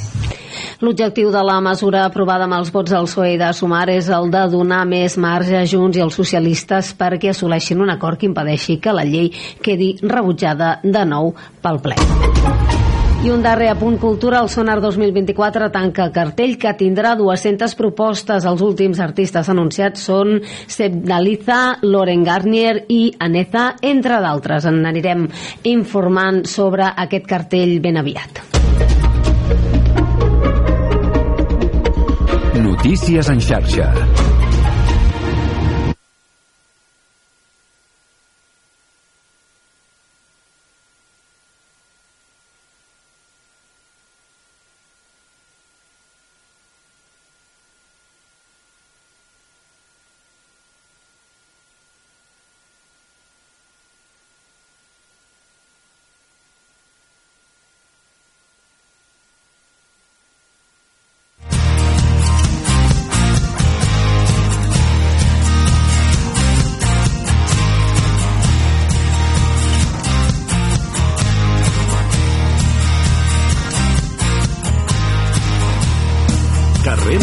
Toni Mateos i Aleix Pérez. Hola, què tal? La ciutadania per inversió, o també anomenats passaports daurats, són una forma legítima d'obtenir la nacionalitat d'un país sense haver de superar tràmits administratius molt farragosos que et fan preguntes sobre la nacionalitat, la nació, història, etc etc. El concepte és molt senzill, amics i amigues. Basta invertir una determinada quantitat de diners en béns o en valors d'aquell país a canvi de la ciutadania o el visat de residència i adquirir plens drets com a ciutadà. Comprar-te una casa de molts milions, per exemple, a les Illes Cayman. Tenir el passaport daurat obre una via d'escapament en cas de que les coses vagin malament per al titular en la seva vida personal o en el seu país d'origen. Els oligarques russos en són un clar exemple. L'estat espanyol atorga el permís de residència a Espanya els que comprin una, eh, una residència per un valor mínim de 500.000 euros o realitzin un dipòsit bancari en un compte inversor a Espanya per un valor mínim d'un milió d'euros, o sigui, milionaris. A l'altra cara de la moneda tenim la notícia que hem llegit aquest matí d'una senyora que porta vivint 28 anys a Mallorca, que parla perfectament el català, el que sempre ha sentit al poble de Santa Margalida, que és on viu, però, oh, que sorpresa! li han denegat la nacionalitat espanyola perquè no sap correctament, segons un jutge, el castellà. Si aquesta dona fos milionària i no parlés absolutament res de castellà, no hi hauria problema. Però quan hi ha català... Ai, ai, ai, ai. Si Reus fos un país, quin càrrec tindria l'Aleix Pérez? Bona tarda. Bona tarda, Toni Mateos. Doncs a mi em faria il·lusió, mira, una d'aquestes coses que s'ha estat posant de moda últimament, el, el regidor de Barley, no? Jo em posaria ja en el meu Barley, jo em posaria com de, de, de, de responsable de, del meu Barley i em passejaria per allà, donaria voltes, perquè entenc ja que, que si, que si res fos un país ja tindria, doncs, doncs tindríem un, unes condicions de vida excepcionals, però tot i així jo crec que, que seria un d'aquests els típics que diu, mira, doncs aquí posem un parc, aquí t'arreglarem els jardins, coses d'aquestes. Quin barri és el teu? Jo sóc d'Horts de Miró. Ah, regidor davant els Horts de Miró. De fet, en, acabo de revelar la meva ubicació, però sí, jo surto a la terrassa de casa meva i veig els Horts de Miró. Molt bé, molt bé, molt bé. Has revelat la teva, la teva ubicació secreta, com si fossis un youtuber. Sí, exacte, jo que pixelen els vídeos, que pixelen la, la, sí, el però que després tothom sap. després tothom ho sap. Amics i amigues, som les 8 emissores del Camp de Tarragona que cada tarda els acompanyen durant dues hores amb informació, actualitat i entreteniment, que són el nostre signe d'identitat. Som la nova ràdio de Reus, Ràdio Ciutat de Tarragona, Ràdio Hospitalet de l'Infant, Ràdio Montblanc, Ràdio La Selva del Camp, Altafulla Ràdio, Ona la Torre i Baix Camp Ràdio. El nostre tècnic és en Dani Sánchez i qui els parla, Toni Mateos, que té el passi daurat de Risto Mejide de les zones de ràdio. Benvinguts a Carrer Major.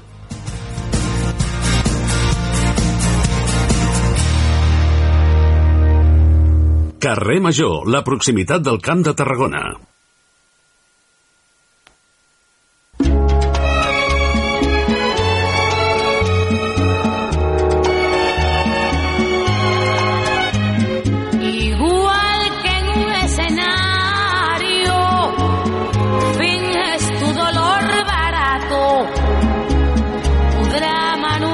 Necesario. Ya conozco ese teatro, mintiendo, que bien te queda el papel. Después de todo parece que esa es tu forma de ser.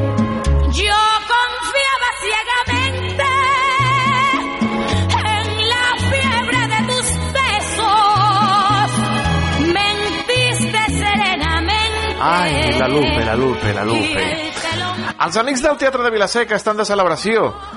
Un quart de segle, 25 anys acostant el teatre a la població i sempre apostant pel teatre de qualitat, de proximitat, amb companyies del territori, però també amb grans noms i grans companyies a nivell nacional. Per bufar les espelmes del pastís encara haurem d'esperar fins al proper mes de setembre, però enceten temporada dissabte i hem convidat als estudis de Ràdio Ciutat de Tarragona a la Gemma Andreu, membre de la Junta dels Amics del Teatre i directora de la programació, a la qual saludem. Eh, Gemma Andreu, molt bona tarda. Bona tarda.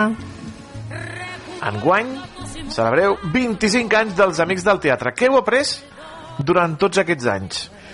Bé, eh, fa 25 anys que vam començar com, com aquell que diguem eh, una mica de manera experimental per poder donar una mica d'oferta teatral a Vilaseca en un moment de, que no n'hi havia, no? Va ser una, una proposta del llavors regidor de Cultura, el Pep Grasset, que des d'aquí eh, li volem també rendir un homenatge, que avui fa sis anys que, que ens va deixar, i ell va començar perquè també bueno, tenia molta motivació teatral i volíem, eh, es volia programar teatre d'una manera estable a Vilaseca. No? Es va començar també amb grups de molta proximitat, potser eh, també amb, primeres figures per donar una mica més de, de, de volada no? a, a, a la programació i hem anat evolucionant però sempre mantenint aquest eh, criteri de programar obres de proximitat de molta qualitat, de grups professionals i semi- semiprofessionals, per també donar una mica de, de qualitat al teatre amateur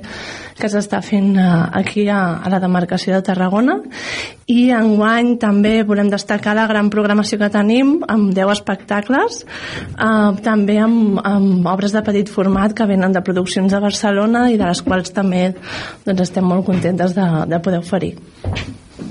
Quin és l'estat de salut, eh, Gemma, de, de l'entitat dels Amics del Teatre de Vilaseca, després d'aquests 25 anys? De... Jo, jo diria que ara mateix estem en el, en el millor moment perquè, de fet, aquesta programació dels 25 anys crec que, eh, de manera molt humil, eh, però diria que és la, la més ambiciosa que tenim.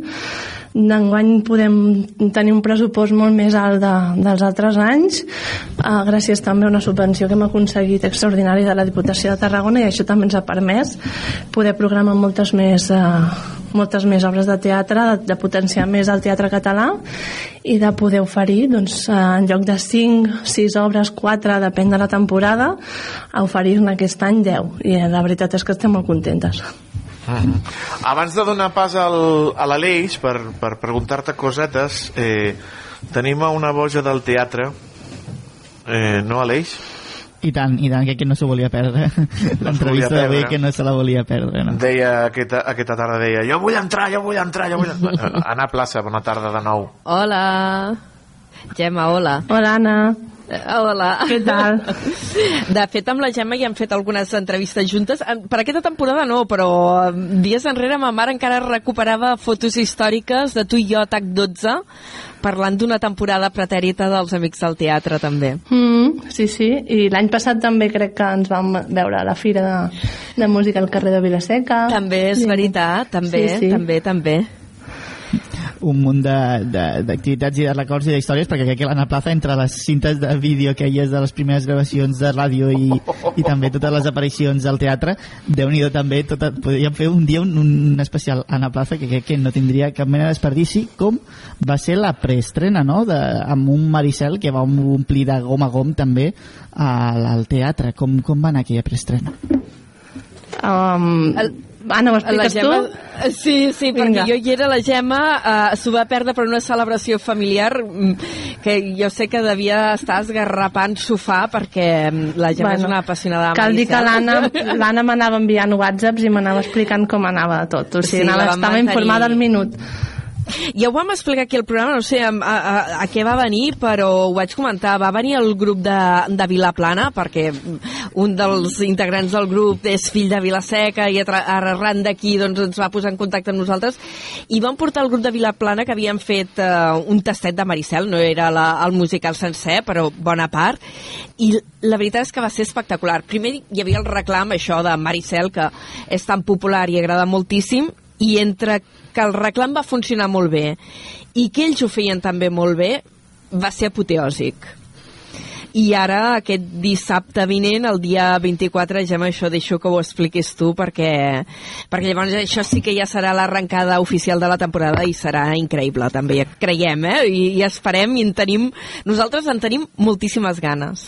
Sí, aquest dissabte és com l'estrena oficial de la temporada. Primer el tastet de Maricel estava dins els actes de festa major, però ja la vam incloure dins la programació, però l'estrena en majúscules serà aquest dissabte amb l'obra de Hamlet.01.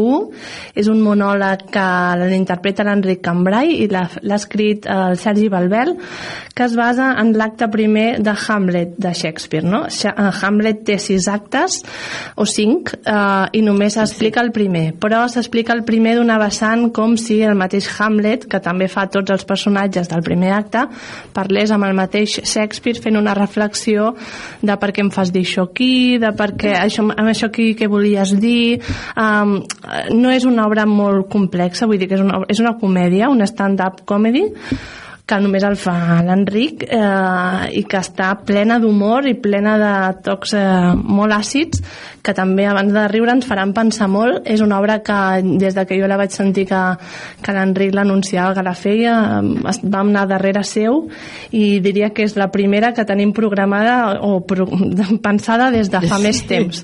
La resta de la programació sí que en teníem algunes, algunes idees però aquesta va ser de, hem de començar amb aquesta perquè bueno, això és una, és una obra espectacular i la volem portar a Vilaseca sí o sí, és a dir, tria l'Enric el dia que vulguis, que el primer et reservem a tu la data. Va ser així. Cuidado amb l'stand-up comedy que s'ha de fer... Jo sóc experto en stand-up... Bueno, expert. Ell la fa, de stand-up comedy. Després te passaré un contacte, Mateos. Sí, però s'ha de, s'ha de fer riure cada 30-40 segons. Ja, ja, és, a dir, és una feina espectacular, eh? imagina't. I en més, és, Hamlet, ojo, eh? no sé si faran riure. Clar, però ben, dir- no és el Hamlet, Hamlet, vull dir, és que s'ha de, s'ha de pensar que la, gent no li faci por venir pensant, ostres, és que vaig a veure Hamlet, no? Vull dir, vas a veure una comèdia que parla sobre el primer acte de Hamlet en el qual passaran mil històries, no? I llavors aquesta és la gràcia. I també, des d'aquí destacar la gran interpretació que fa l'Enric, vull dir, de ell sol allí davant, bueno, sol davant de, del perill, vull dir que això ha de ser espectacular. És que ja només fica Enric Cambrai i dirigit per Sergi Belbel, pues ja és que ja... Bueno, ja l'altre dia vaig llegir una entrevista que li feien i va explicar que un crític, a l'acabar l'obra, va anar allí i se li va genollar davant. O sigui, imagina't. Ostres! Imagina't. Què per pot cert, passar? eh, és el premi, va tenir l'any passat, l'any passat no l'altre, el 2022 va guanyar el Premi Butaca al millor espectacle de petit format i, i porten molt de temps girant. Eh? Eh, val la pena perquè ha estat a Tarragona, ha estat a Reus ja, però segurament, com que eren funcions puntuals, segurament hi ha molta gent que s'ha quedat amb les ganes, doncs que sapigueu que aquest dissabte ho podreu recuperar a Vilaseca. Uh -huh. uh, aconseguir aquesta temporada tan àmplia, tan ambiciosa amb l'entitat, un total de 10 espectacles, eh, com ha anat de feina, Gemma? Bueno, ha sigut el doble de feina d'altres temporades perquè hem fet el doble de suat, programació, hem suat, però hem anat rascant perquè, clar, les, la, les obres que portem normalment acostumen a ser obres de petit format perquè per les dimensions on nosaltres programem i les necessitats tècniques que podem oferir, doncs això ens limita. També ens limita el pressupost de no poder portar grans noms de, del panorama català perquè ja amb el seu catxet vull dir, ja no ens podíem permetre mm, programar gaires obres, no? Llavors preferim fer tota una varietat, tot i que aquest any cal destacar l'Enric com, com jo, bueno, jo, jo de- des d'aquí ja, ja, ja l'aplaudeixo. Acabarem amb un monòleg de la Marta Marco, que tampoc és, vull dir, no és, no és menor, vull dir que són els dos grans, els dos grans caps de cartell que tenim. També entremig tenim una comèdia que ve la llum barrera, eh, que no n'hem parlat encara, però que es diu La paella dels dijous, i crec que hem aconseguit un nivell molt alt amb un pressupost limitat perquè clar, no tenim un pressupost com pot tenir un ajuntament sinó que som una entitat que rebem una subvenció i a partir d'aquí doncs, fem mans i mànigues eh, totes les membres de, de la Junta dels Amics del Teatre per, per poder programar la, el major número d'obres possible i de qualitat. Mm, i això és el que hem intentat aquest any juntament amb una subvenció extra que hem, que hem aconseguit però que a més a més també estem notant que aquests últims anys va, va augmentant l'afluència de públic va augmentant també l'interès per, per tota la programació que anem fent i això també ens anima a continuar per aquest camí clar, perquè hi ha una, un, un feedback, no? també una, una resposta per part de la gent també, que, que fruit de, de totes aquestes edicions i d'aquesta programació, també a vegades us heu reivindicat no? com un espai inclús de descoberta de molts actors que avui en dia ja compten amb una àmplia trajectòria, he llegit Brunor o Clara Segura, que, que també és, és important saber no? que la gent que vagi a les, a la, als, als actes programats doncs potser es troba alguns noms que, que en un futur també també donaran molt a què parlar. Sí, sí, per exemple, l'últim gran, gran descoberta que va ser la calòrica, eh, que va venir, no la coneixia pràcticament ningú, almenys aquí al, al, a les comarques tarragonines, a, a Barcelona ja és diferent, no?, perquè a Barcelona doncs, ja... No, no, ja però amb- començaven, eh, Gemma? Estaven sí, encara crec que havien les fet un, un parell d'obres o així i, i, i bueno, va ser per casualitat que van venir arrel de que una obra que teníem programada pues, eh, la setmana anterior no, ens van dir que, que, que era impossible, que no podien ens van recomanar un parell de, de companyies i vam triar la calòrica com podríem haver triat una altra i va ser un descobriment que jo recordo que dic, mira, estar mirant l'obra i dir, ostres, és que aquests tios és que, és que són boníssims són bons, eh? és que Són són bons. boníssims i després, clar, els va seguint els va seguint uh, i bueno, jo, jo he seguit he vist dos espectacles més seus en directe un el van fer també a la, a la televisió un tercer, i dic, és que clar, és que són brutals i, i, i clar, Són et queda, bons. et queda aquell gust de dir, ostres, és que, és que nosaltres els vam portar i, i no els coneixien i, i, i, bueno, i això també ens anima pues, a anar buscant companyies que veiem del territori que bueno, potser no són gaire conegudes però que bueno,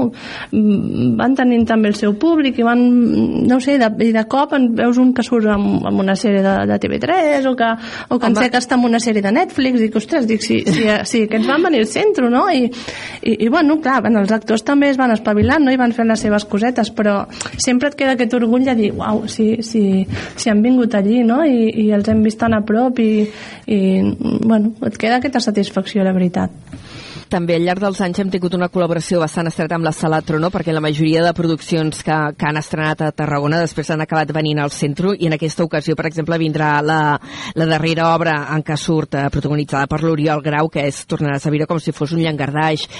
I hi ha un altre actor del territori, en Maria Pinyol, que s'ha anat eh, professionalitzant, no? venia d'un món més amateur i ara ja té la seva pròpia companyia, que és Amalí Produccions, i arriba amb, amb la seva eh, amb un monòleg també, en aquest cas cas podríem parlar d'una tragicomèdia que és un tipus corrent. Vull dir que és allò de... Hem anat descobrint grans noms de fora, també estem descobrint grans noms d'aquí i a banda també tenim espai per, per grups amateurs perquè doncs, és una relació feta al llarg dels anys i, i també ens agrada reservar-los un espai. Sí, estem, Home, estem contentes perquè hem fet una xarxa, eh? Sí, sí, a veure, la Tramolla és el top, eh? Vull dir, aquí no discutirem perquè la Tramolla, vull dir, si no actua la Tramolla, vull dir, tanquem, vale? Vull dir, directament. La Tramolla és el nostre grup de teatre i és el que més estimem i, i també ens valorem com a tals perquè o sigui, tenim un lloc dins de programació i, i ens el guanyem, la veritat. Però a banda de la Tramoia anem fent molta xarxa amb els grups territori de, de, de, bueno, grup de Riudoms, grups de Cambrils de la Selva, la, la Trona de Tarragona no cal dir-ho uh, bueno, de Reus, els Tebac també vindran sí, aquest any Tebac. vull dir, de les 10 obres eh, 6 són del Camp de Tarragona les altres 4 doncs sí que hem buscat eh, bueno, caps de cartell també perquè també ens ve de gust programar-los i, i que vinguin aquí. Però sí, sí, fem aquesta xarxa però, però sobretot la tramoia, a veure aquí que quedi clar. I tant, i tant que sí apostant pel, pel talent local també pel, pel talent del, del territori me sembla que, que acabareu tancant eh, temporada amb Empeio. Sí, bueno, aquesta és la, el, el colofó final, el pastís de...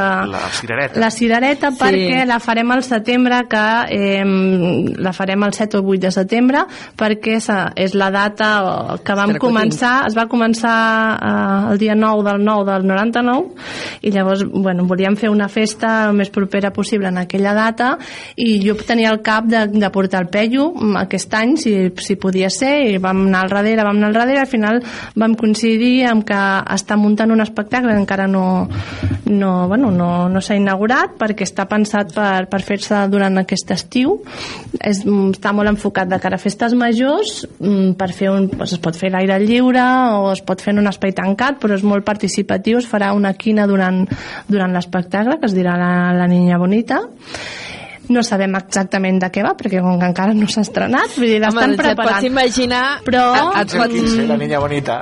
Jo venint sí, del Peyu et pots esperar qualsevol cosa i, i bueno, estem esperant en candeletes que arribi el setembre per, per riure tots i acabar amb una gran comèdia i un gran espectacle que, que bueno, estem segurs que, que no fallarà.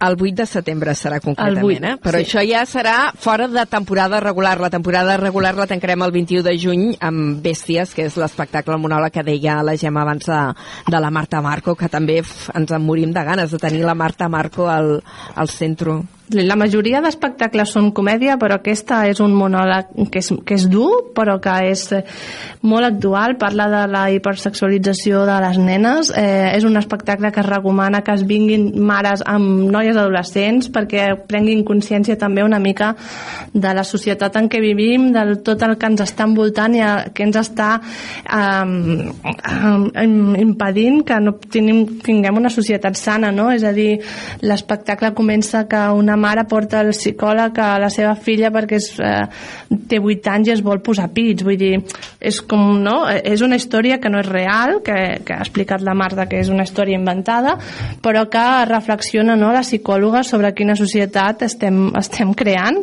amb tot el que estem amb les xarxes socials, amb internet, eh, amb voler agradar, amb voler no, sempre posar cara de ser atractiu, d'agradar als altres, d'això de ben petits, no, de les xarxes socials i de tot. I, bueno, eh, es veu que surts bastant tocat, però que, vull dir, que et fa pensar, eh? Inclús, bueno, amb totes les altres obres, jo crec que hi ha, hi ha un fil conductor que no, no ha estat volgut, però crec que, que al final hi és una mica un fil conductor sobre una mica qüestionar-se una mica l'existència en diversos aspectes, no? Amb la Marta Marco serà l'existència una mica de com estem educant, com anem amb la societat, amb el Josep Maria Pinyol és eh, també què estàs fent amb la teva vida, no? Perquè no fas un I canvi i amb el teu temps, amb eh, la, la producció de la Sala Trono també una mica, no? I, i què hagués sigut de la meva vida si en lloc de fer això, no? I si ara tornés a viure, què seria? I hi ha com una mica aquest fil de, bueno, anem-se situant una mica amb la vida, no? D'on venim, què fem, què estem fent. Pensem una mica, no anem al teatre a riure, però també anem una mica a, a pensar i aprendre alguna cosa i també alimentar l'ànima de, de, de cultura en el bon sentit de, de, de preocupar-se pel, pel que t'estan dient des de dalt l'escenari i dir, ostres, pues, pues té raó o no, o, o jo què faria en aquest cas, no? I, bueno, anar pensant una mica això en general. 25 anys, 25 anys dels amics del Teatre de Vilaseca Gemma Andreu, guardem-nos un trosset de pastís a la gent del carrer Major. Vale, esteu tots convidats. Home. A més serà un gran espectacle, vull dir que segur que, que ens ho passarem bé. I el pastís de, de què el vols? De nata, xocolata, crema? Jo sempre xocolata. Vinga, Sempre de xocolata, d'acord. A veure, per l'amor de Déu, Mateus, jo espero que vinguis. I l'Aleix també. el M'ha 8 de cridat molt la del- Com a mínim el del- 8 de setembre a veure el Peyu, com a mínim. Sí, però em crida molt l'Enric Cambrai amb aquest eh, Hamlet. eh, Uah, del- ha de ser del- impressionant. Jo, només amb el teaser, amb el vídeo, no? no el, va, el vas veure, el vídeo allò Sí, promocional? Sí, sí, sí, sí. I, i, a més a més barrejar tot això amb stand-up comedy pues, Qui vulgui informació, tenim la web vull dir, i a més de totes aquestes obres, la majoria, socials. la majoria al YouTube eh, hi ha entrevistes, vull dir, podeu, podeu obtenir informació eh, abans de venir per a veure què podeu triar, i vull dir que allí està tot. Ara, ara mateix a internet mm, podeu trobar-ho tot. I a preus populars, que és importantíssim. És Sí. Gemma Andreu, membre, sí, membre de la Junta dels Amics del Teatre i director de la programació. Moltíssimes gràcies per acompanyar-nos aquesta A tarda. carrer vosaltres. Una abraçada. Adéu, Anna. Adéu, bonica. Adéu. Adéu, adéu. Carrer Major, la proximitat del Camp de Tarragona. criden fort com si tot aquest volum de veu els donés la raó. Preparats per marcar-nos les tendències noves que es porten enguany. Paga i et donaran tot el que mai I del Tallatro seguim al carrer Major amb la nostra secció de publicitat. Eh, Com cada 15 dies ens visita el nostre publicista de capçalera, en Xavi Franco, que avui ens porta un producte, mira, jo, jo el tinc a la mà, eh, que forma part de les nostres vides. Xavi Franco, molt bona tarda. Hola, bona tarda. Com esteu tots? Molt bé. Mira, si mirem el calaix, si mirem a Sí. l'estoig, si mirem a l'escriptori, ah, amb els gots, segur que el trobarem, el producte del qual parles avui. Oh, i tant. Tothom hem tingut un, un, uh, un Vic, un bolígraf Vic, no? A banda de que uh, també els que érem fumadors, bueno, o, o som fumadors, jo ja no soc, no? Però hem tingut un encenador Vic sí. i quan es afeitaven, que jo tampoc m'afeito ara, fa, porto barba, doncs teníem una maquinilla d'afeitar Vic, també, no? No sé si us recordeu d'aquests... Sí. Eren, són els tres productes Vic eh, més importants, perquè el Típex també és de Vic i tal. Però, bueno, lo important és que eh, tot això, tot aquest món, va començar amb un bolígraf Vic, no? que tenim tots. Com va començar tot aquest món de, de Vic? Doncs eh, va ser el, el inventor del bolígraf no va ser el senyor Beach perquè realment eh, eh, ara explicarem no? vull dir, es deia Beach eh, era un, l'inventor de, del, del bolígraf eh, cap als anys eh, 30 o una cosa així eh, era un, un, un hongarès que es deia Lacho Viró que va anar a Argentina, va tenir que fugir per raons dels nazis, etc de la Centre Europa, i va, va anar a Argentina i allà es va assabentar un, un italià però nacionalitzat francès, el Marcel Beach, B-I-C-H, que existia al Bolígraf Vic. Eh? Tenia una empresa, havia muntat en el 44 una empresa de, de, de llapisos i de material d'oficina amb un, amb un soci amb, amb un soci seu, eh, Eduard eh, Bouchard, i l'any 50 doncs aquest eh, senyor que vivia en Argentina es va vendre la patent, va posar en venda la, la patent, tenia més patents, no? I va, va posar a vendre la patent i el Marcel Vic la va comprar passa que el, el, el, el bolígraf eh, original de, de, de l'Azio eh, Viró era una cosa molt, molt, prim, molt primària.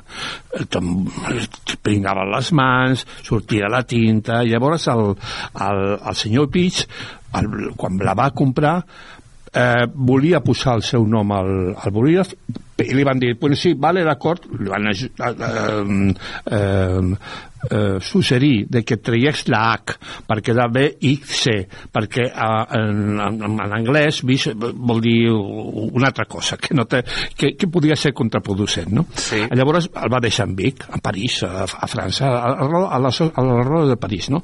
Es va associar amb un, amb un, amb un senyor, amb un dissenyador molt important, el Ramon Savignac, i van, ostres tu, entre tots dos van eh, fer pràcticament el bolígraf que tenim ara, o que tu, Toni, o, i, o jo, que m'ho ha deixat l'Anna, doncs tenim a les mans.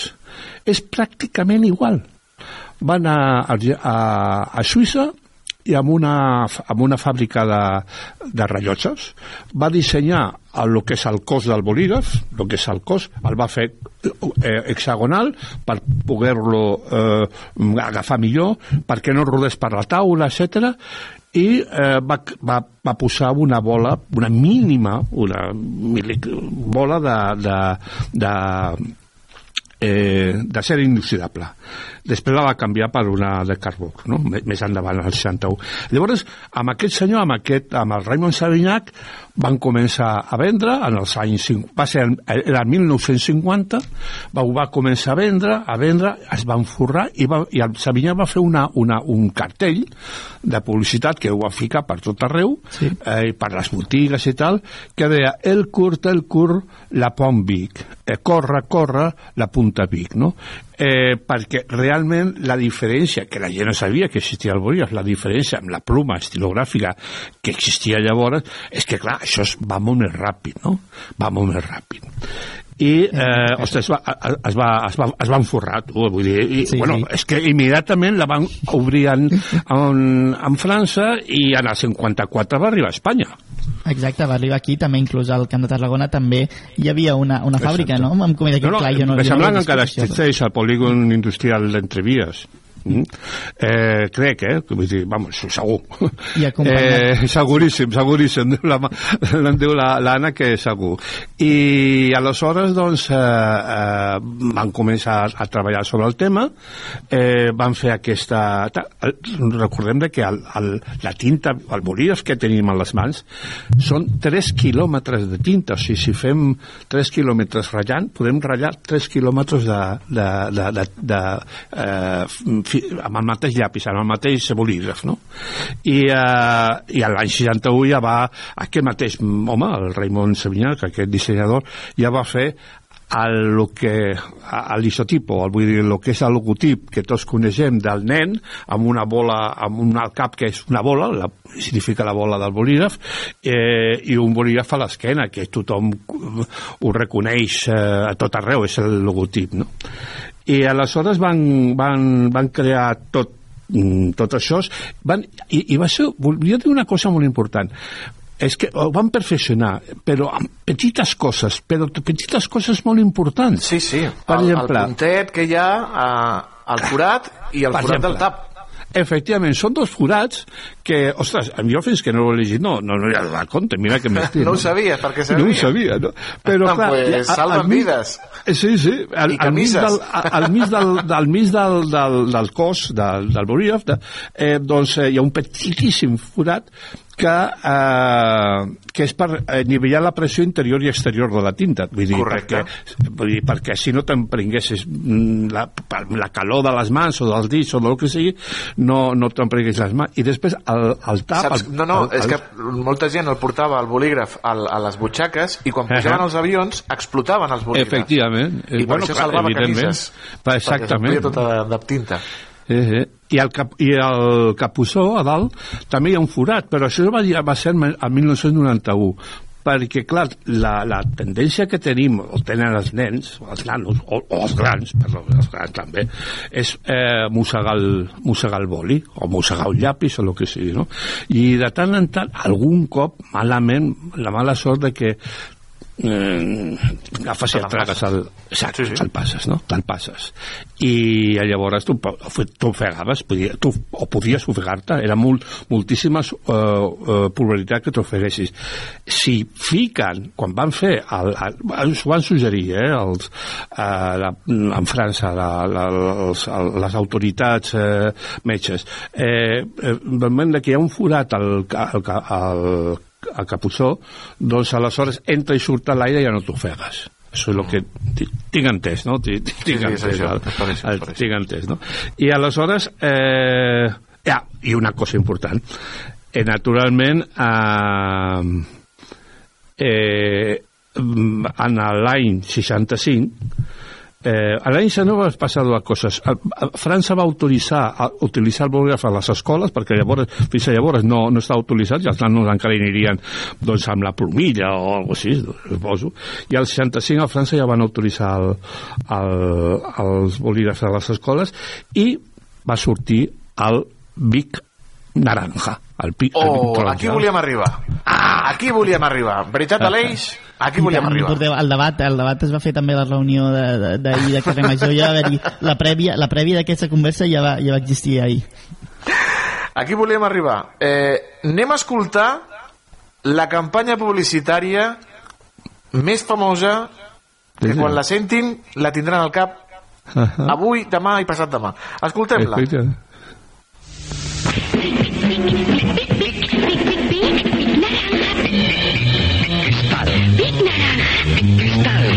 Dos escrituras a elegir. Big Naranja escribe fino. Cristal escribe normal. Big Naranja. Cristal. Dos escrituras a elegir. Big, big, big, big, big. Vic, Vic, Vic. Eh, qui no se'n recorda? Bueno, oh. és que ja en genera... això pa- ha traspassat les generacions.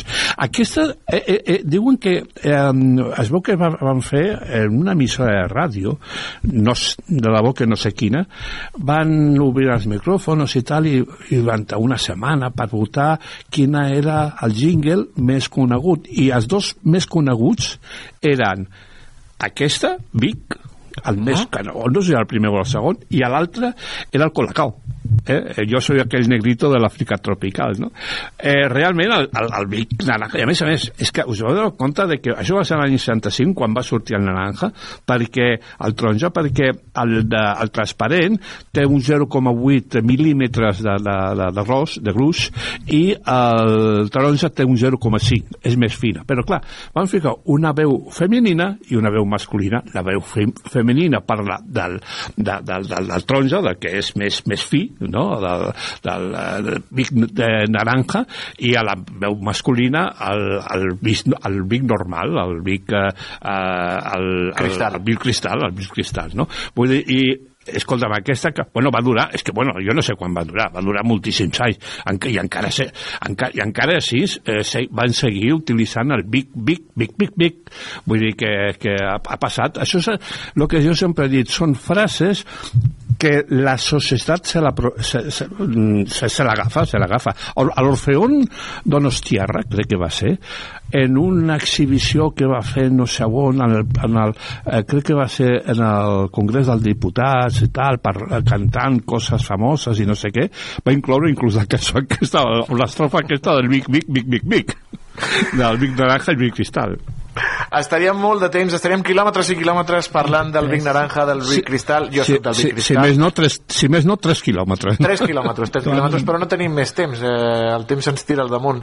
Eh, com sempre, Xavi Franco, moltíssimes gràcies per acompanyar-nos, per il·lustrar-nos i per portar-nos aquesta campanya publicitària que tots tenim en ment i que no ens traurem en dos o tres dies i estarem cantant Vic Naranja escribe fino i Vic Cristal escribe normal. Escribe normal. Una abraçada, fins a... Igualment, igualment, companys, igualment. gràcies. Cada tarda de dilluns a divendres fem parada a Carrer Major.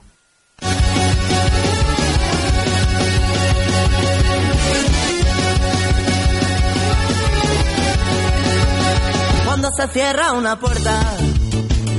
Doncs anem amb els ODS, uh, Aleix Pérez. Som-hi, som-hi, que és tard i vol ploure, ja ens agradaria... O- ojalà, avui ojalà. Sí, exactament, millor dit, i és que avui els objectius de desenvolupament sostenible parlarem d'una data que de, del passat 1 de febrer, data en la qual la Generalitat va declarar l'estat d'emergència per sequera. Tot i així, aquesta situació es va declarar a les comarques de Girona i Barcelona, una zona que afecta més o menys a 6 milions de persones a les comarques de Tarragona, però es va passar d'estat d'alerta a prealerta. Aquesta situació la podem encasellar a l'ODS número 6, destinat a la disponibilitat de l'aigua, i per parlar-ne tenim amb nosaltres a l'Andreu Escolar, activista del GPEC. Molt bona tarda i gràcies per venir aquí a Carrer Major. Hola, bona tarda i gràcies per convidar-nos. Bé, parlem, si li sembla, d'aquest estat de preale- de prealerta. És un progrés al Camp de Tarragona, aquest, aquesta reversió de, de l'amenaça? Mm, No ho sé, això és una decisió com a ciutadans cada ha de tenir la seva, el que som uns privilegiats perquè de fet el que tenim és un mini trasbassament de l'Ebre. Ara que últimament està tan de moda parlar que els de l'Ebre no són solidaris em sembla que són prou solidaris però Barcelona sempre vol més. És important, no?, llavors, recalcar que, que, que aquí al Camp de Tarragona també hi ha un, una certa ajuda també al trasbassament de, de l'Ebre, que també en part si es pot tenir accés sense restriccions aquí en gran part del Camp de Tarragona, doncs és gràcies a això. I tant, i com a ciutadans tant, tant per la ciutadania com per la indústria com pel turisme ha, hi ha altres activitats econòmiques de moment aquí no hem tingut no hem tingut problemes a diferència d'altres llocs i sent i tot una terra amb, amb menys pluviometria el que, que la que hi ha a partir de Barcelona cap al nord, hi ha la Catalunya humida i la Catalunya seca, no?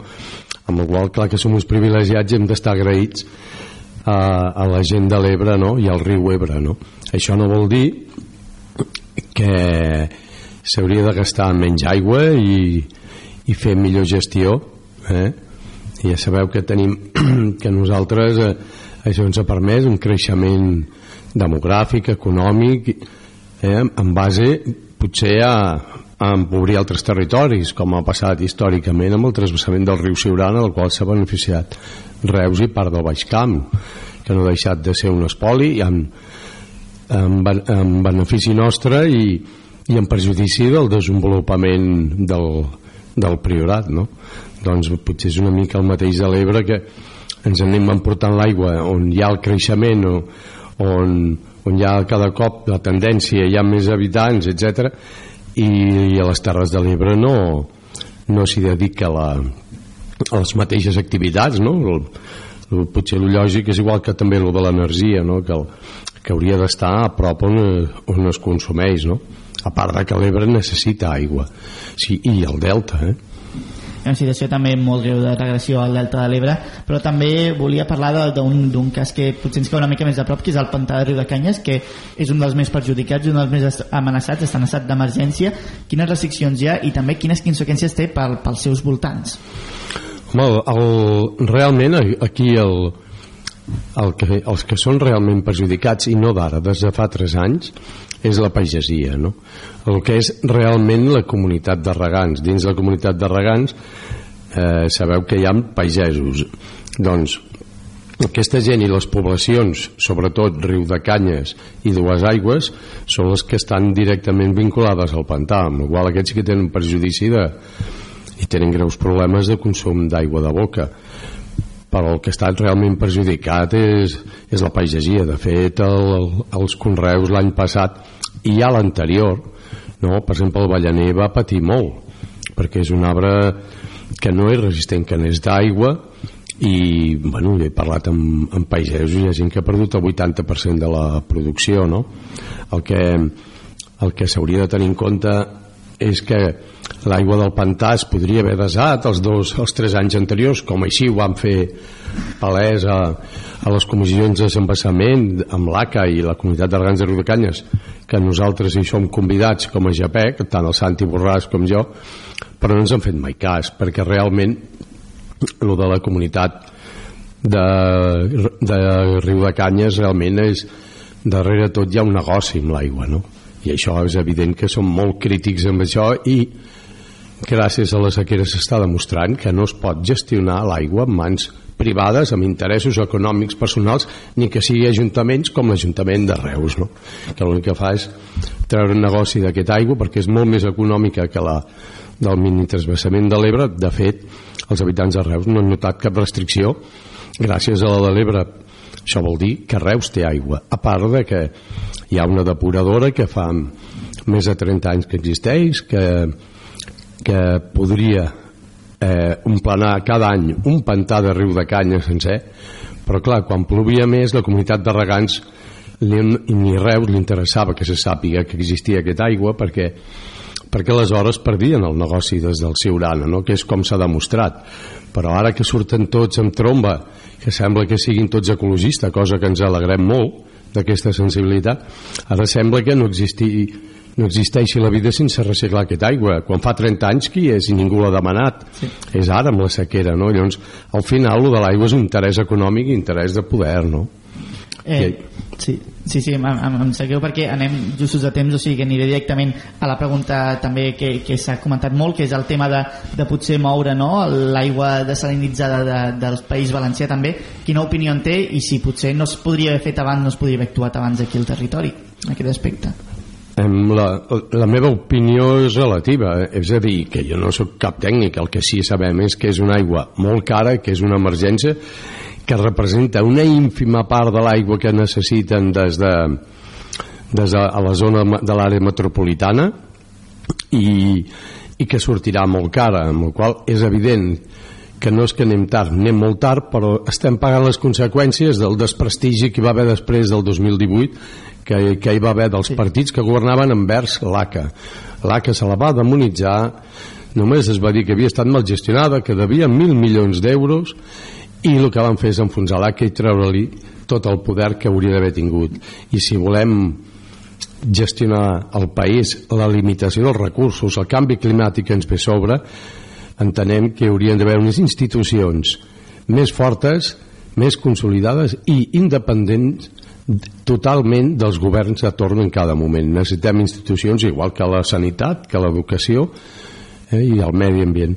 I si depenem l'aigua és un, un objecte de poder com ho està demostrant Reus per, amb, amb nosaltres no? perquè si haguéssim volgut la querella que ens han interposat Clar, la que, la paga, que la, el, algú la paga i algú l'autoritza era tan senzill bueno, nosaltres al final el que ens han fet és que quedin en evidència del que hem vist amb l'abús de poder no? però l'ACA el que s'ha fet és és un instrument polític de poder, d'influència i pensem que ara és el moment també a part de fer tots els canvis necessaris estructurals, que esperem que sigui veritat que tingui realment una autoritat i unes competències consolidades de cara a una previsió del futur no? que requerim molts canvis i millores eh?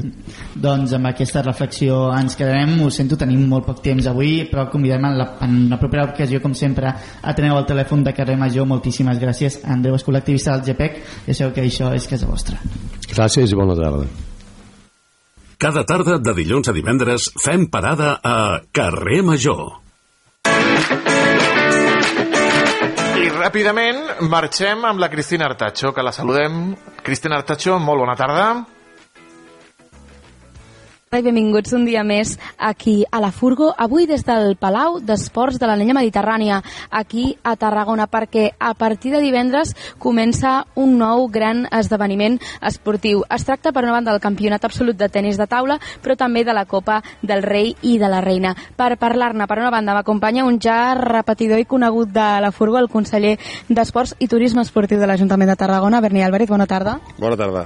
I, per altra banda, el president de la Federació Espanyola compañera de tenis de mesa, el señor Miguel Ángel Machado. Buenas tardes. Hola, buenas tardes. Me cambio al castellano porque así nos entendemos todos, aunque le hable primero al, al conseller. Um, ¿Qué representa para Tarragona el hecho de acoger este campeonato? ¿No? Es uno más de estos grandes eventos deportivos que desde el ayuntamiento se pretende, ¿no? Como fue, por ejemplo, la minicopa ahora hace unos meses. Bueno, es seguir en una línea en la que hemos creído desde el principio, que es la de que Tarragona tiene una capacidad de, de organización a nivel de, de, de, eventos deportivos alta y en la que apostamos realmente por tener un par de un par de eventos muy muy grandes, complementarlos con muchos muchos eventos un poco más pequeños y cuando vimos la posibilidad de que este año pues eh, viniera el tenis de mesa con todos sus campeonatos el Copa del Rey de la Reina, pues lo vimos muy claro. Hablamos con la federación, tenemos muy buena muy buen feeling. Eh, vimos a mes que nos, nos, encajaba perfecto en cuanto a fechas, así que lo intentamos, ha salido bien y espero que ahora que empieza la competición sea lo más lo más bonito de todo, ¿no? Todo lo previo ha sido trabajar, muy agradecido a la federación, a la diputación que, que, que hemos hecho un equipo yo creo que muy bueno y ahora nos toca que todo vaya bien, ¿no? ¿Es un paso más para situar Tarragona en el mapa, en el ámbito deportivo? Sí, yo creo que ya empezamos a estar en el mapa. Yo creo que mmm, tanto la minicopa como este evento nos va a, nos va a servir como para afianzarnos. Y la verdad es que cuando cuando mm, empiezo a moverme fuera de Tarragona, la gente ve a Tarragona como, como un destino buenísimo a la hora del de, turismo deportivo, bien comunicado, eh, buen clima, buenas instalaciones, así que vamos a seguir apostando seguro porque creo que es beneficioso para todos. Y me voy ahora con el señor presidente de la Federación.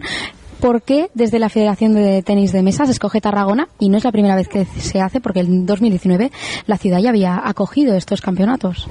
Sí, concretamente en 2019 tuvimos todos los campeonatos de España, todas las categorías, y fue un éxito de participación y, y la verdad es que la gente se fue muy contenta y ya nos venían reclamando un poco cuándo volvemos a, Tarragona, ¿no? Se ha dado este año el momento adecuado, eh, nos pusimos en contacto con, con Berni, con el ayuntamiento, ofreciéndole un evento distinto al que ya traímos en 2019, como ha sido la Copa del Rey, la Copa de la Reina y el torneo estatal eh, de todas las categorías, desde la Benjamín hasta veteranos, incluyendo discapacidad física y discapacidad intelectual. Vienen los 48 mejores jugadores de cada una de las distintas categorías y también el Campeonato de España absoluto en categoría individual y dobles y dobles mixtos.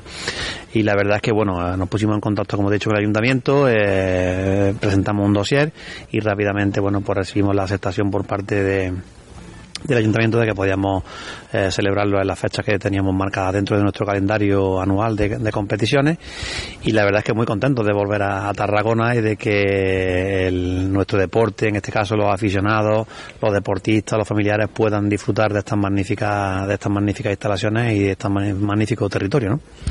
¿Es este campeonato de tenis de mesa o este evento el más importante a nivel anual para la federación?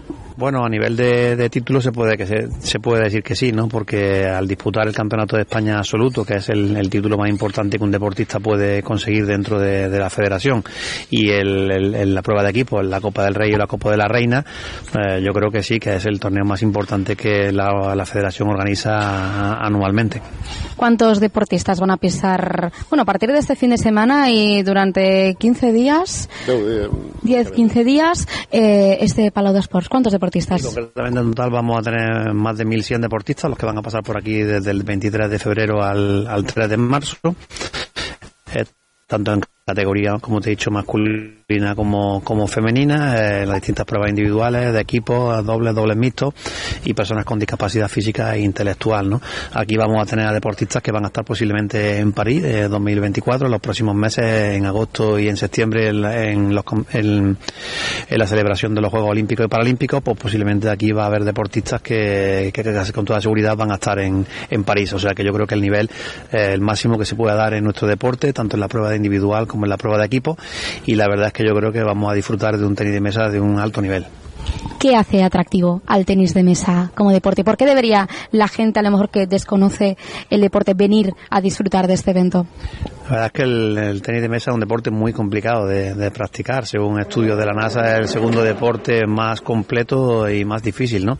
Eh, no es lo mismo ver un tenis de mesa en televisión que verlo presencialmente. Yo creo que las áreas de juego aquí que, que vamos a poder presenciar, donde la federación cuida al milímetro el detalle de todo, estamos utilizando material reciclado, tinta ecológica, estamos haciendo una federación pionera en cuanto al tema de la sostenibilidad también, para evitar que evitar eh, que el tema de la huella de carbono pues aportar todo lo que podamos desde, desde, la federación. El concentrar estos eventos en un único evento durante tantos días pues también hace que la gente se tenga que desplazar menos.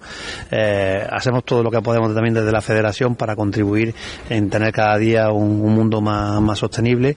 Y, y, la federación pues como te he comentado aporta su granito de arena con este tipo de eventos que ya digo que cuando la gente venga pues va a poder presenciarlo y, la verdad es que espectacular el ver eh, los deportistas a 8 o 10 metros del fondo de la mesa de Europea Bola eh, con, la, con una espectacularidad increíble ¿no? y luego la retransmisión también de los eventos a través de Teledeporte, eh, la Copa del Rey, la Copa de la Reina, yo creo que la verdad es que bueno, va a quedar todo muy bonito y yo creo que y espero y deseo que todos los visitantes que haya fuera del territorio catalán y que nos van a visitar durante estos días, que van a venir equipos de todo, todo el territorio nacional, pues puedan disfrutar y de estas magníficas instalaciones que Tarragona tiene, como ya he dicho, ya, ya disfrutaron algunos, otros no, posiblemente no estuvieron y ahora se incorporan a nuestro deporte y van a, a poder disfrutar de ellas y, y espero que con éxito. ¿no? I per tancar, me'n torno per últim cap al conseller. Hem dit que sí, és el conseller d'Esports de l'Ajuntament de Tarragona, però també és el conseller de Turisme Esportiu. A nivell de turisme deportivo, ¿qué puede suponer este evento para la ciudad y para la demarcación? Bueno, como muy bien ha dicho Miguel Ángel, el hecho de traer más de mil participantes va a arrastrar mucha gente también, ¿no? Mucha gente, mucha gente acompañante, familiares, gente de los clubes que vienen aquí y esta gente estos días que, que va a estar, van a estar aquí, van a estar moviéndose por la ciudad, pernoctando aquí, eh, en nuestros restaurantes, etcétera, etcétera. Entonces, todo eso, todo eso que es más parte turística, ¿no? Parte del turismo, no tanto de la competición, que es lo que, lo que llevamos desde Federación y desde Patronato de Deportes, esta parte que afecta más al turismo deportivo la llenamos por completo y más en una época, una temporada baja para muchos de estos, de estos, eh, de los hoteles y la restauración, porque es un mes de febrero en el que muchas veces no hay demasiada actividad a nivel turístico. Entonces, dar 10 días a una ciudad con tanta gente que va a venir, para, para ellos es un lujo, para nosotros además supone un lujo deportivo, así que bueno, un win-win, estamos, estamos muy, muy, muy contentos de que, de que, de que estén aquí. Doncs eh, moltíssimes gràcies, Cristina Artacho, per portar-nos l'actualitat de primera mà des de la furgoneta amb el conseller d'Esports, el senyor Berni Álvarez, i el convidat que tenies amb el president eh, de la Federació Espanyola de Tenis Taula, el senyor Miguel Ángel Machado. Nosaltres hem de posar el punt i final. Aleix, eh, demà tornem aquí al carrer Major. I tant, la gent no es lliurarà tan fàcilment de nosaltres. Tornem demà, com sempre, a les 4 a Carrer Major. Que vagi molt i molt bé. Fins demà, cuidin-se. Que vagi bé.